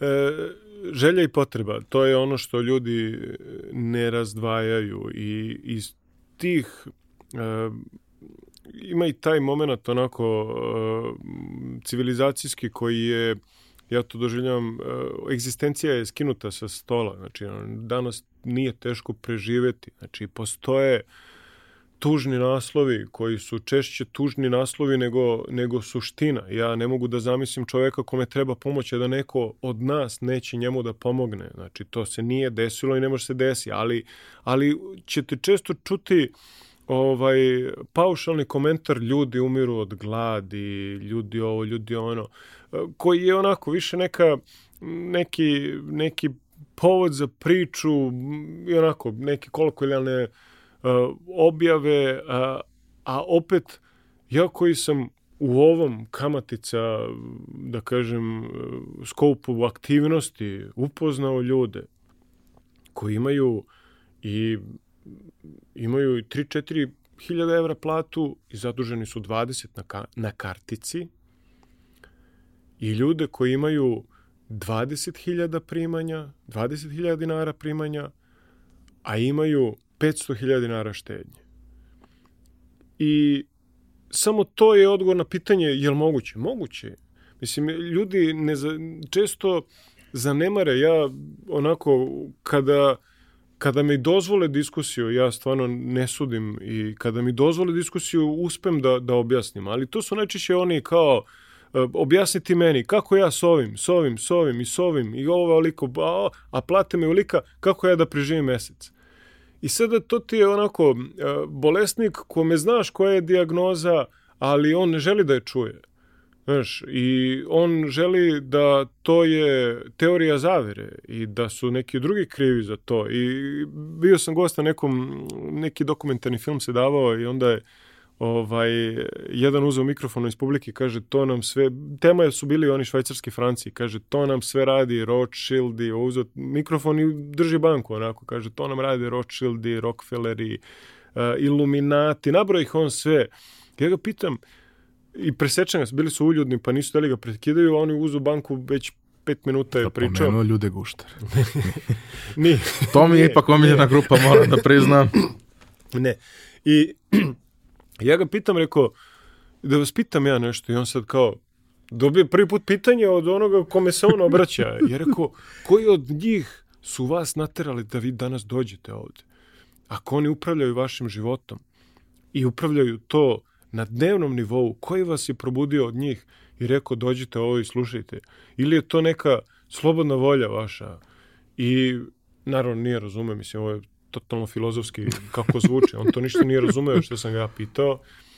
I, e, ali je stao sa tom debatom, ovi koji su e, bili tu su me podržali u smislu, ajde, objasnio sam suštinu bar njima i zaustavio sam e, taj moment njegove priče koje nije imao nikakvu svrhu, ali e, što ću da kažem, e, e, radije bi oni koji su u problemu da da kažu uh, daj, reši mi problem.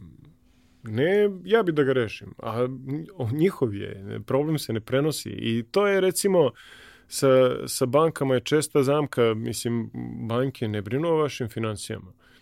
Banke su prodavnice koji svake druge. One će vam prodati ono što oni imaju na, na, na rafu iza sebe. Ako vi ne upravljate vašim Banke financijama... brinu o svojim financijama. Tako je. Tako je. I kad kažu ono, briga o korisnicima, to je briga o korisnicima svih prodavnica. Banke sad ajde su na temi, ali svih prodavnica je u službi profita. Znači, ne postoji briga o korisnicima da, da je neprofitna, da, da se ne dešava profit. Znači, briga o korisnicima je, je rezultat profitne aktivnosti. Mislim, ima tu jedan moment, ba, baš sam skoro nešto ovaj, radio neku analizu i sad pričaš sa nekoliko kolega, baš je priča e-commerce i to koliki je problem customer care kod nas mm. u e-commerce. I na globalu, ali mislim, generalno, kao, znaš, to je cimanje, to je vrlo teško organizovati, ljudi su nezadovoljni. Ok, to je aktivnost kojom se baviš zato što statistika kaže da je neuporedivo lakše prodati ponovo mm. nekome ko je kupio mm. nego dovesti novog kupca. Yes. Da su novi kupci jeftiniji, niko se ne bi bavio podrškom. Ne bi ti bilo bitno da li ti je kupac zadovoljan, ali ako je zadovoljan, ti nećeš prodati jednom, Absolutno. nego 30 puta i on će te preporučiti, mislim možda ne 30, zavisi no. Da. naravno od biznisa, ali i tri puta da prodaš, pa je super, i da on preporuči mm. to još nekome, pa je super. I to je jedini razlog zašto se taj deo priče radi. Nije to zato što je neko dobar, a neko nije dobar, Absolutno. nego zato što to u konačnici daje onaj rezultat kome se teži. I ja ne, mislim, bez obzira na to što e, postoji to uvreženo mišljenje kod raznih ljudi da sam ja ili dobar ili jako loš čovek. Ja što u principu nemam neki, neki stav povodom svega toga. Ja strudim budem koliko je to moguće ispravan. Mm. Ali kao ja nemam taj moment i ja ne mogu da razumem taj moment kad sednemo i pričamo o, nova biznis ideja, dosta pričam sa ljudima koji imaju biznis ideje i hoće nešto da radi. A što ti to hoćeš da radiš? Pa zato što će svet biti bolje mesto. Ok, u redu, to je lepo, ali biznis se pravi zbog profita. Mm. Pa ti kad imaš profit, onda možda praviš od sveta bolje mesto mm. koliko hoćeš. Ja se trudim ceo život da od sveta napravim bolje mesto, mm. ali ne gledam to kao posao. Mm. Nije moj posao da pravim od sveta bolje mesto. Moj posao je da budem samo održiv, mm. da bi onda mogao da pravim od sveta bolje mesto. Tako je. Tako je i upravo je to onako najviše oni koji najmanje mogu da urade se busaju da će uraditi najviše. To je ono kao kad kažu uh, ja da imam tolke novce ja bih ih delio, ali... Postoji razlog zašto ih nemaš. da, da, baš je to ono onako kolizija i, i ovaj, ja imam tu uh,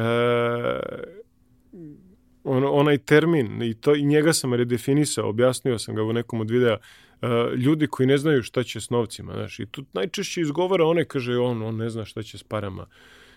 Zna, jako dobro zna. Znači, to je taj moment uh, da neko ima pare, a da ne zna s parama, to ne postoji. Mislim, ono, to je kao kao ovaj, košarkaš koji ne ume da vodi loptu, mislim, ono, to, to ne postoji. Ako je košarkaš već je savladao... Ima slučajeva, ovaj moment. ali Dobro, to, to su to anomalije. Su, to su ovako, bolje ili lošije u odnosu na druge, ali... E, kod nas je e, cijela priča oko tih financija e, dodatno otežana iz ovog prethodnog perioda. Ja to viđam na, na, na raznim mestima, recimo ta prodaja je ovde još ono kao da prodaš nešto za novce. Jedna anegdota, ovaj, neki naš čovjek uh, otišao kod, kod kolege, u, kod kuma je išao u Ameriku i sad građevinac, arhitekta.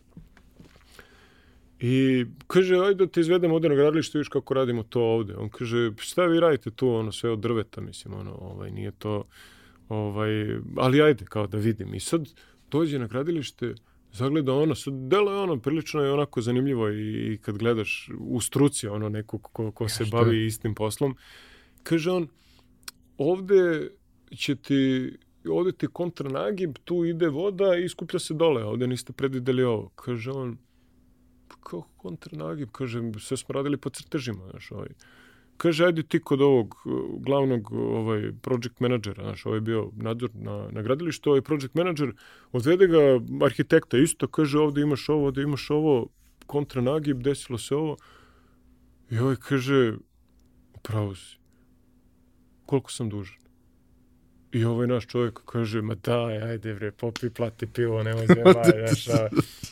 Sad ovaj Amerikanac kao, što bi ja tebi plaćao pivo, znači, ono, znači to su sudari, sudari onaj kulture, znači, ono, što bi ja tebi plaćao pivo, kao koliko sam dužan.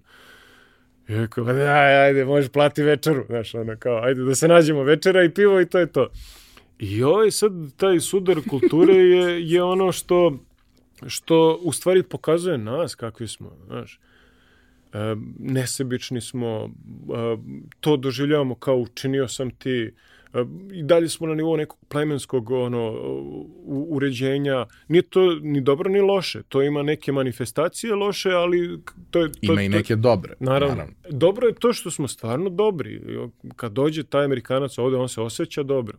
I to vidite po strancima koji dolaze ovde. To, to nije opisivo u, u rečima. On to ne zna da je neko elokventniji i razumljiviji bi, bi mogo to možda da elaborira, ali, ali ovde se svi osjećaju lepo. Taj kolektivizam ima tu dobru stranu i I mi iz tog, recimo, tih nekih uh, stavova nismo vešti prodavci.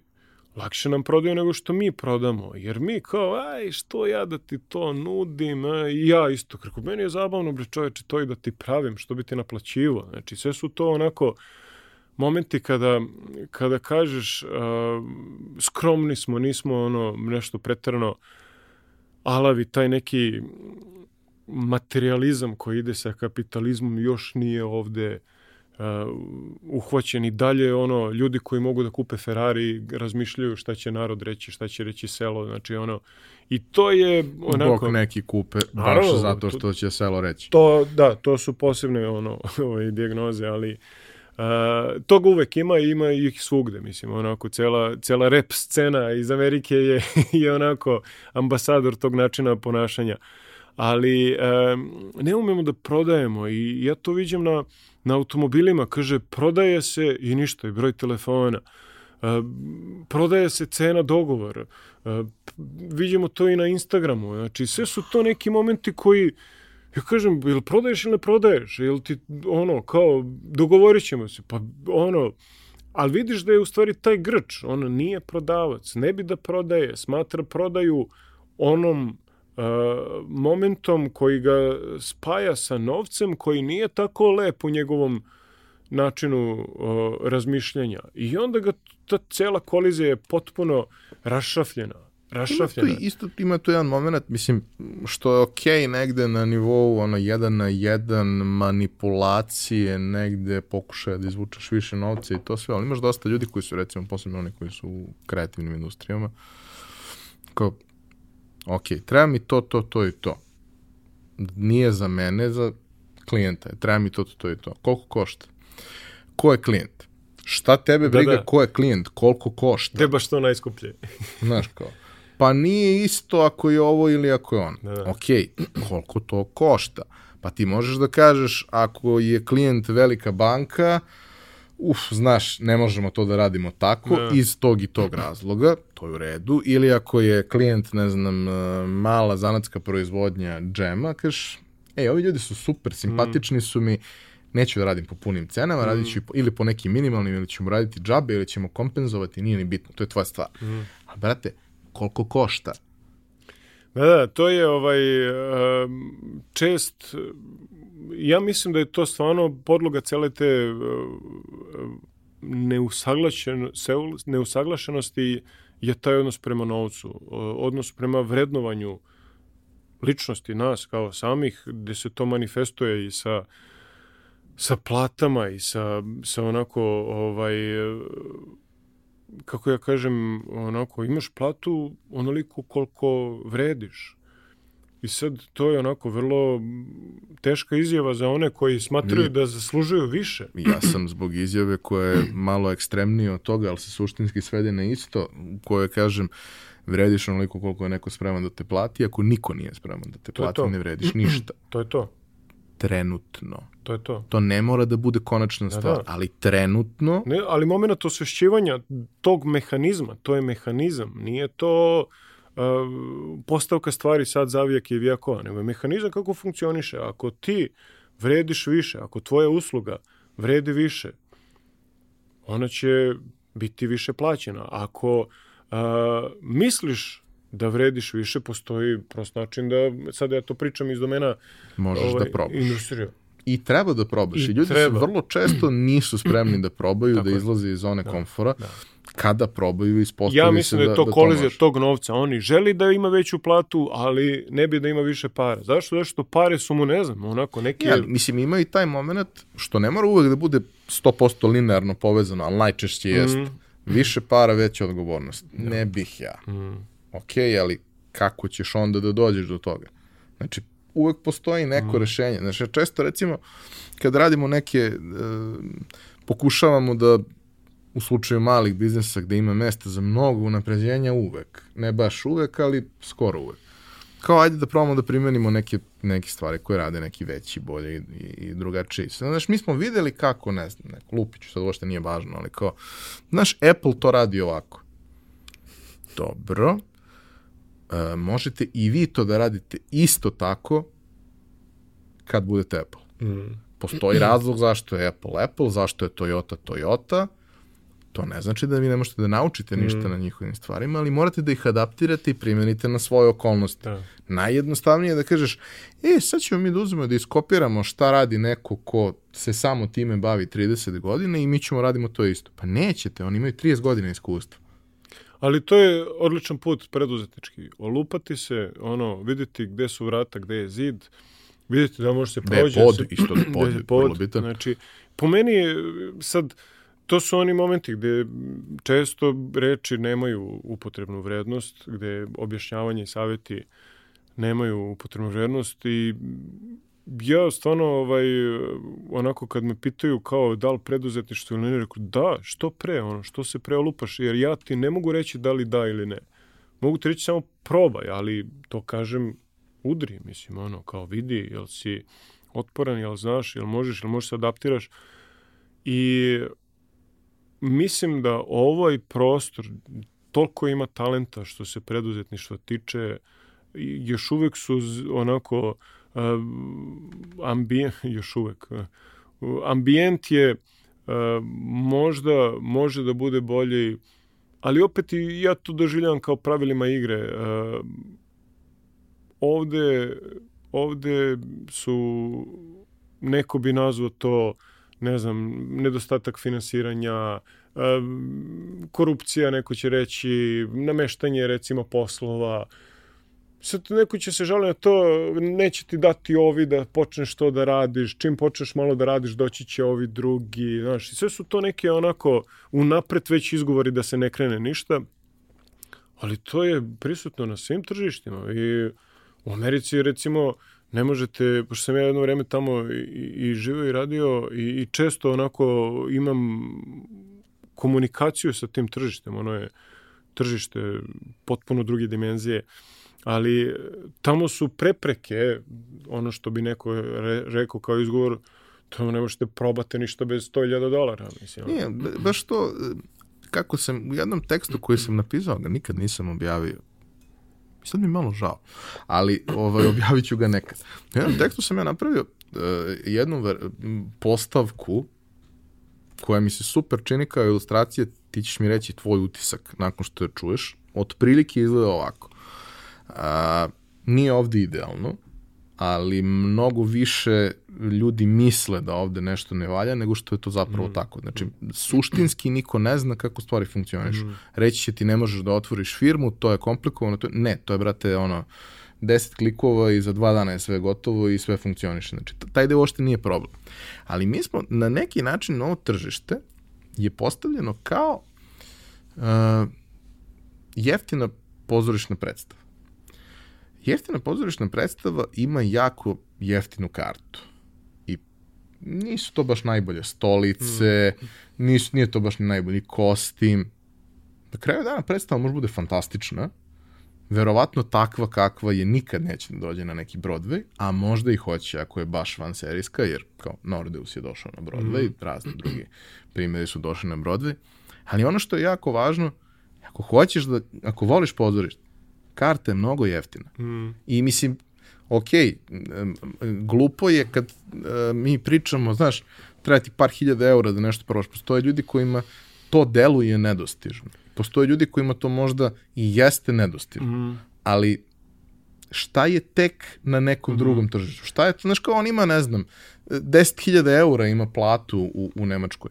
Super, jel znaš ti koji su njemu troškovi života u toj Nemačkoj? Znaš ti koji su njemu troškovi života u tom San Francisco ili New Yorku ili Dobro bilo čemu? paralela, ja, ja imam sličnu i tu se onako gađamo. Uh, ja ovo tržište doživljavam kao kad učiš vožnju i dobiješ jugića. Jugić.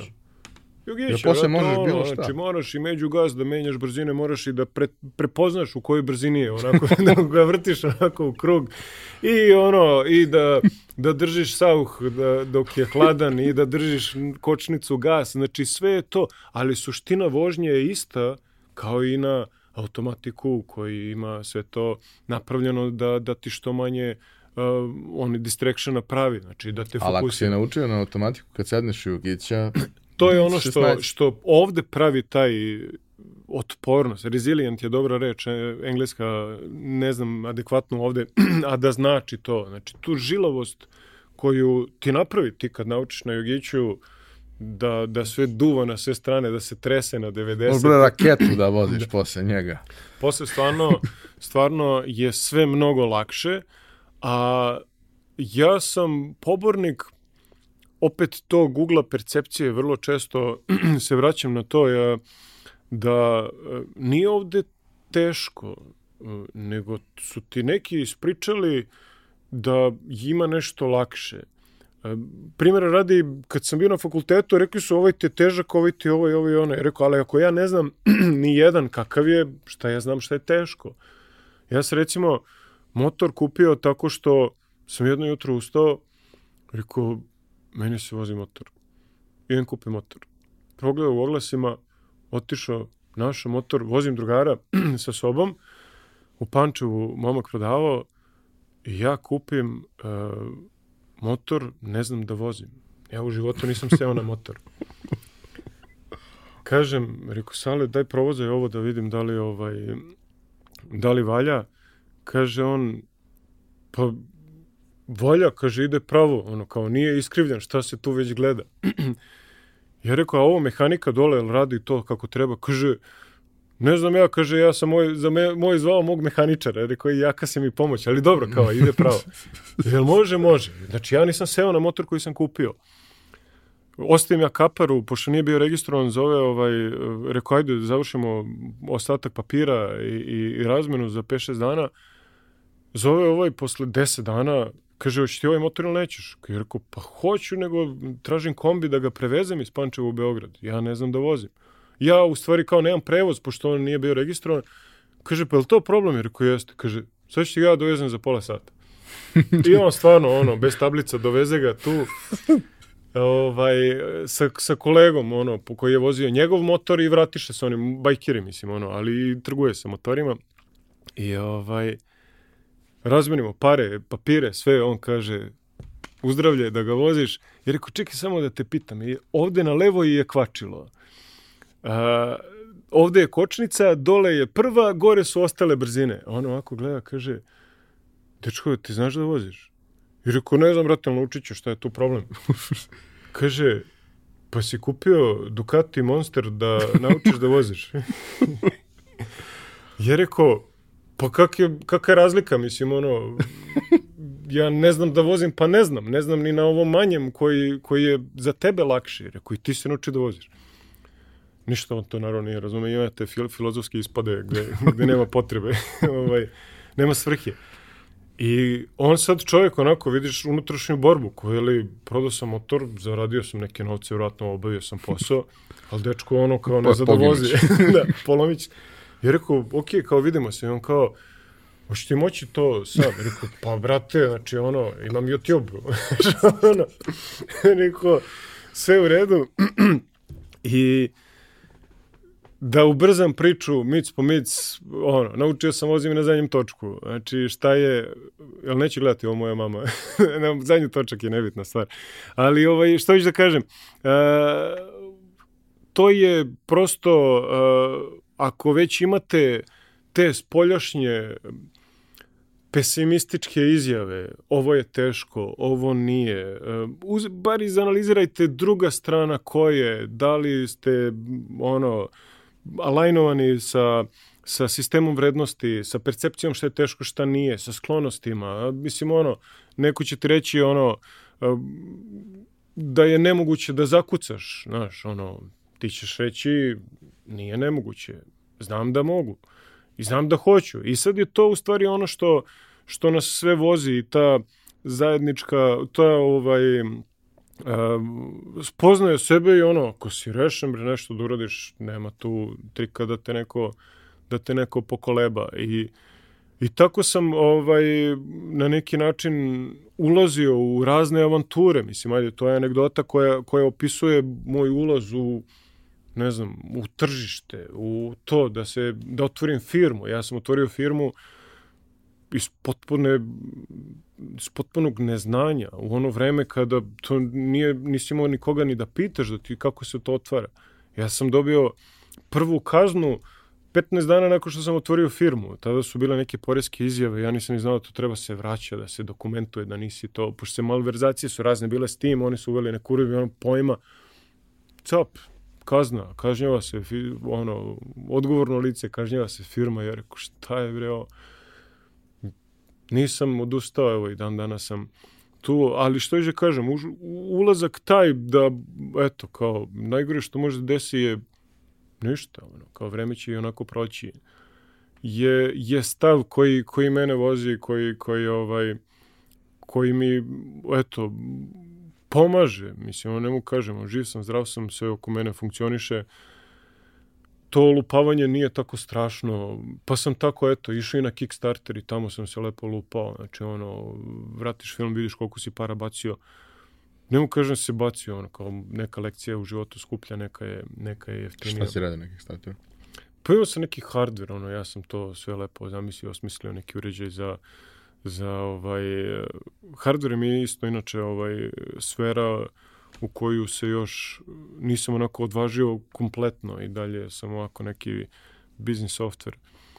A na Kickstarteru sam imao uređaj koji Trading, koji, jel to beš? Kako? Trading radi. Nije trading, ovo je bio uređaj koji, koji onako je neki uh, lični lični vodič, znači neki guruist se zvao i neki tvoj lični guru koji je u stvari uh, uređaj koji je u mojoj zamisli trebalo da, da bude uh, za tvoj neki cilj. Ajde, ako imaš cilj, bilo da je to uh, ishrana, bilo da je to kilaža, bilo da je to sport, bilo da je to vežbanje klavira, gitare, bubnjeva, znači da imaš onog sa druge strane nekog gajda koji će uh, da te vodi, a da taj uređaj bude dedicated uh, uređaj za tu namenu. Uh, opet sad filozofski je, je postavljeno i možda i prerano, mislim ja sam to ovaj koncipirao, prvo pitanje je bilo što to nije telefon, mislim ono kao parče ekrana, kao šta će ti dedicated telefon je distraction, to nije, on je odlačenje pažnje, da ne koristim ove reči, ali razumemo se. Uh, telefon nikad neće biti fokus. To je, to je onako neuspešno je, neuspešan je pokušaj svakog ko, ko hoće da se fokusira na nešto i da za to koristi telefon, jer je telefon sve osim fokusa. I um, Zato je moj nastup bio da je to dedicated uređaj koji ti kad otvoriš oči vidiš šta ti je činiti, da imaš onaj plan koji ti je vođen plan sa druge strane koji kaže danas ti je ovo cilj. I taj onako micromanagement sa rutiranjem kroz neke priče je ta cela ideja koja nije poletela. Mislim, avion koji ono, ko on u crtaću, to ti nikad neće poletiti. Nije, stvarno i nije poletelo, u je poletelo ali ovaj to je prosto meni bilo onako nisam bio živ dok nisam probao. Znači, morao sam da probam i cela ta priča i to je sad ono, ovo što sam malo čas rekao, to, to tržište nije ogromno je, ogroman je potencijal, ali uh, skupo je igranje tamo i, i tamo treba ozbiljno da se naoružaš što sa znanjem, što sa ljudima, što sa novcima, znači sve je to onako. I um, ono što je dobro je ta pozornica gde je ta vertikalna prohodnost ideje fenomenalna. Znači, ako napraviš nešto što je smisleno, to se lansira ovaj, vrlo brzo s tim što da pokažeš tu smislenost i, i to je toliko skupo zato što je e, ogroman red ljudi koji hoće da pokažu šta imaju. I, i zato kažem, znači, ne doživljavam to kao neuspeh, nego eto, kao jednu od skupljih lekcija. Mislim da taj moment kada ono, razmišljaš o bilo čemu, da to testiraš na maloj skali, ovo tržište je idealno za tako nešto, mm. zato što, mislim, ok, ono možda nije relevantno uvek u svakoj situaciji, ako je to proizvod ili usluga koja ovde nema smisla, ali u Americi ima, onda ne možda testiraš mm. ovde. Ali u gomili drugih situacija, da, upravo, mislim, čak i veliki koriste za različite stvari, ono, ne znam, Facebook ima preko 70 aktivnih verzija po celom svetu na kojima testira različite stvari, jer ne koristi se na isti način ovde u mhm. Australiji i Venecueli. Onda oni uzmu, ne znam, kad puštaju novi feature, kao što je bio Explore Feed svoje vremeno, kao da beru par zemalja koji su možda geografski nisu povezane nikako, ali po modelu ponašanja koje korisnici imaju, oni izaberu te mhm. zemlje i kažu, ok, naš test je u ovih pet zemalja, pokušu ispostaviti da to ima smisla, Možda će to da se rolloutuje na ceo svet. Ali u svakom trenutku ima tako 50 stvari koje se testiraju u po pet mm. zemalja. Vrlo malo toga se testira na američkom, kanadskom, da, da, da, da. UK tržištu. Pa ja što, što ovako s godinama, što sa iskustvima, ajde jedno i drugo je, je ovaj potrebno znaš i sam na kom god čošku sveta gde god da si bio upoznao si neke neke nove načine funkcionisanja kulture, vidiš da tu ima onako šablona koji su nam svima slični i taj, taj moment je nešto što što kaže ima jedna i statistika kao distribucija, čak je i ono kao malo je i, i, i filozofska distribucija pametnih i glupih, hajde tako da nazovem, ali ona kao kognitivno sposobnih i manje sposobnih, inteligentnih i manje inteligentnih. Šta recimo dimenzija se gledala je svugde na svetu, u svakoj zemlji ista. Što je ono kao i logično ako uzmeš big data i kad imaš ogroman uzorak i kad uprosečiš sve te stvari, ako imaš ono um, milion ljudi na jednom mestu, isti je raspored, ono kao po slojevima. I u tom smislu se ne razlikujemo mnogo. Ono što, što nas ajde na nivou nacije ili na nivou države razlikuju, to je kaže, ima čak i izrek, kaže, vidit ćeš ovaj, uh, u kom pravcu ide država kada znaš, kada vidiš šta rade sa njihovim najpametnijima. I to je meni, recimo, Uh, nešto što mi je žao ovde šta se dešava i to nije to nije pitanje uh, aktuelne političke situacije to često ljudi hoće kao na to da okrive to je pitanje mentaliteta i kulture jer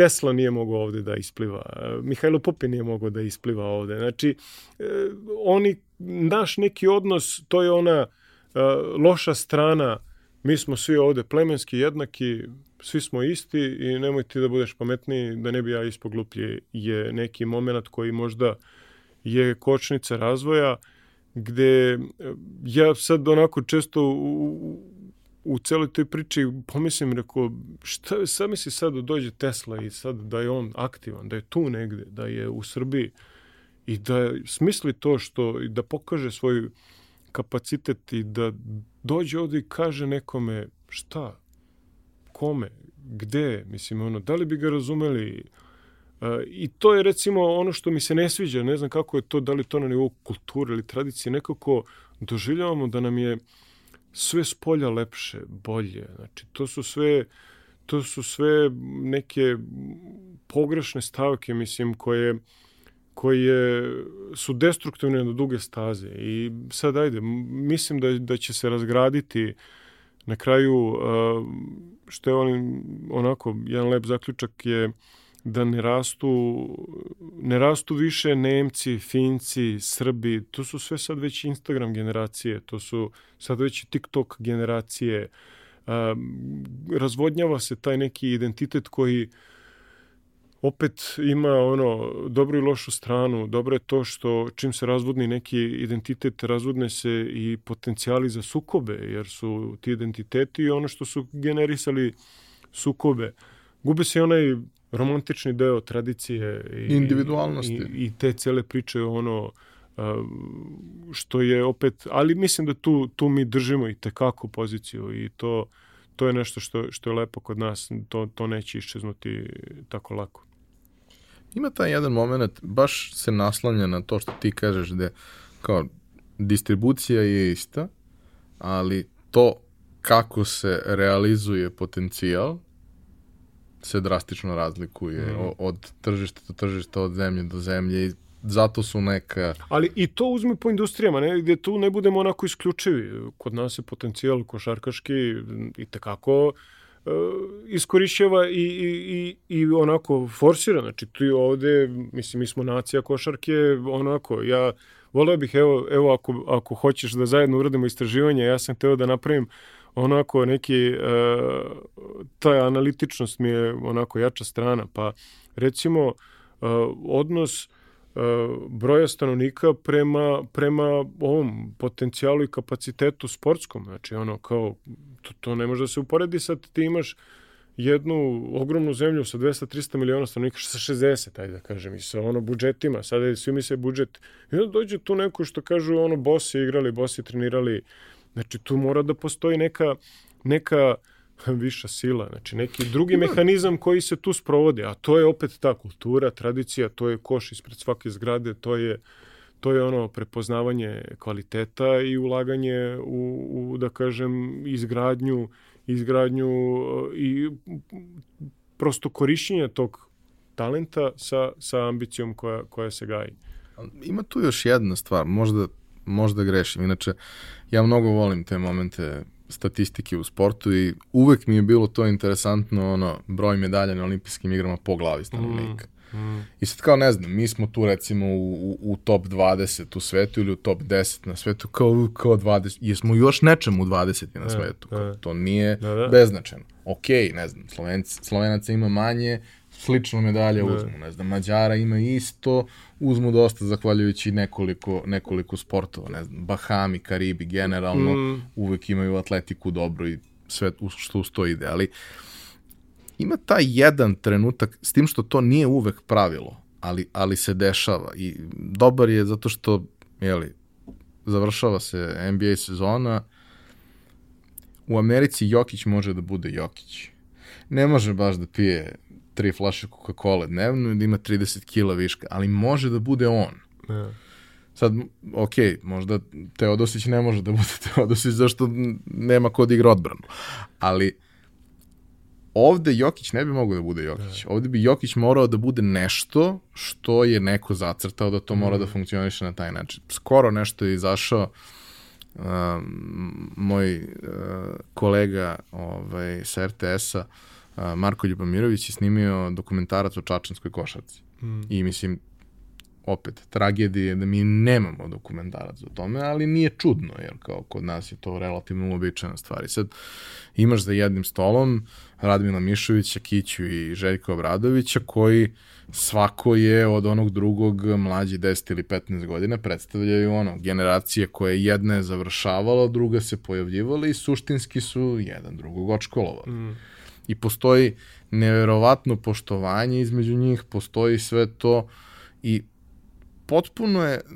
fascinantno kad ti vidiš sa kakvim momentima su se oni, oni suočavali. I to, to kod nas je takođe nam, nama su se mnogi uspesi desili uprkos mentalitetu. Mm. Škola je bila fantastična, ali škola te dovede donekle, a profesionalizacija je ono iznad. Neki su tu napravili dobre priče, neki nisu, ali ima ta priča recimo za Radmila Mišovića koji je bio pet puta najbolji strelac lige bivše Jugoslavije, da je on odigrao pet mečeva za reprezentaciju. Mm. Zašto? Zato što Ranko Žerevica, naš najuspešniji trener, jedini koji ima olimpijsko, svetsko i evropsko zlato, je čuo na treningu da je ovaj nešto dobacio i rekao ti si završio. I ti kad pogledaš posljednjih ono 50 godina naše reprezentacije i u svakom sportu, uvek ima neko ko je završio. Ja. A kad razmišljaš ono, nakon toga, nije baš da ti nikad nije trebao više taj čovjek. Sad, okej, okay, u nekim situacijama kad imaš neko ko je zaista toksičan i pravi problem celoj ekipi, ima smisla da ga, da, da ga ali to je upotreba, to, mislim, inat je ovde jako zanimljiva kategorija i onako, ako je ispravan, ako to se svodi... Dobro usmeren. Da, da. Ako je dobro ako usmeren, to, to je čudo. To je, to, je, to je sirova energija i ako je onaj menadžer energije, sad je to stvarno menadžer energije, u sportu je to trener, selektor, u, u, u biznisu je to uh, menadžer, znači poenta je izvući maksimum. I ja, i ja to, ovaj, taj resurs iskoristiti i to je uh, meni recimo evo sad u posljednje vreme imamo i, i neke transformacije u, na poslovnom planu i taj moment je sve evidentniji, znači izvući maksimum iz resursa koje imaš, znači ono kao šta je ko, što, što ono što osoba može najbolje da radi, fokusiraj ga i ono kao usmerena, usmerena energija, energija koja, koja je onako pametno vođena vodi i prema, prema rezultatima. Prema I, konstruktivnim stvarima. Da, da. Meni je, kako bi rekao, taj sportska ima jedna zanimljivost isto što sam ja ukačio onako u toj mojoj analizi. Kako su se promenili e, sportovi gde postajemo sve, sve jači. Pa ja sad mogu samo da zamislim da je recimo onaj period ratova i agresije na ovim prostorima nama doneo zlatne medalje iz pucanja i iz Tekvondoa, je li tako? znači, to mi je bilo ovako jako zanimljivo, ja sam to odmah, odmah povezao, pa kao šta može da iznedri ovo, ovo, ovo stanje ovde nego generaciju koji, koji, koji pucaju koji bi da bio. Ša, šalo na stranu, mislim, to je, to je onako bio fun fact.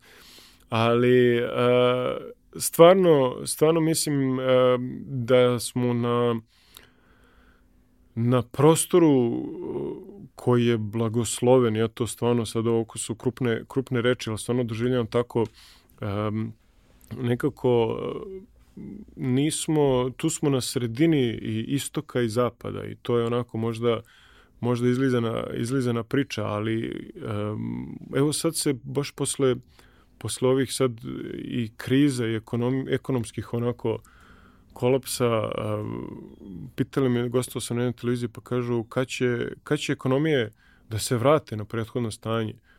Ja rekao, pa neće nikada. Nikada zato što to stanje nisu ni zaslužile. Vi imate onako a, jedan hvalospev materializmu u posljednjih desetak, 15 godina. To je ono, znači, egzistencija skinuta sa spiska, šta ćemo sad? Pa ništa, sad ćemo da da ovaj budemo da uživamo u, u svim mogućim ono čulima koje imamo. I uh, to uživanje ima svoj danak koji onda podigne onu drugu industriju koja zove farmaceutsku industriju koja kaže radi ti sve što hoćeš imamo mi za tebe šta god ti treba. Znači rešit ćemo te znači, ono, samo ti nastavi sa svim mogućim stvarima i tako se taj momentum tog uh, potrošačkog društva uh, zavrteo do, do basnoslovnih onako brzina i stade. Stade i sad ovaj period, ono, onih, negde to još uvek traje, ali to je sad onako civilizacijski prst na čelo. Da on kaže, pa jel mi treba nov auto, jel mi treba nov telefon, šta fali ovome? Pa kao, ništa mu ne fali. Pa što sam kupovao do sada? Pa ne znam, izašao je novi. Pa šta je razlika od prethodnog? Pa ne znam ni da objasnim što ću da kažem, znači razgrađuje se taj, taj moment gde recimo kažu ljudi zatvoreni smo u kutiji, ono, ne znam ni ja, ono, silom prilike. I onda kaže, pa da, ali sad bih na livadu neku, ono, sad bih malo i u prirodu da, da cenim i volim. A koliko si često išao u Koliko si, nisam išao nikako, ali ono kao u, u, u mašineriji svakodnevnog gašenja požara kojim ono, ovaj, barata, on nije ni shvatio da je sam pristao na tu kutiju.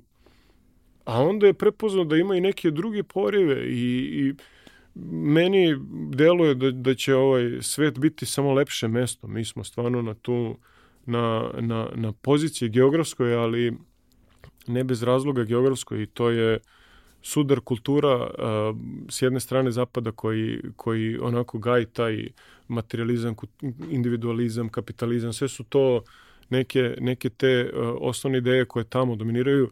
Isto kako je opet uh, ima potpuno drugu dimenziju i, i nije ni jedno ni drugo dobro, nije ni jedno ni drugo loše. Onako, balans je ono što, što ovaj, je od uvek bio. Znači, balans i u od ličnih onako potreba, od jela, pića, uživanja, rada, balansa, svega toga, to je, to je suština i, i mislim da da vreme pred nama će biti onako najlepše vreme za, za živeti.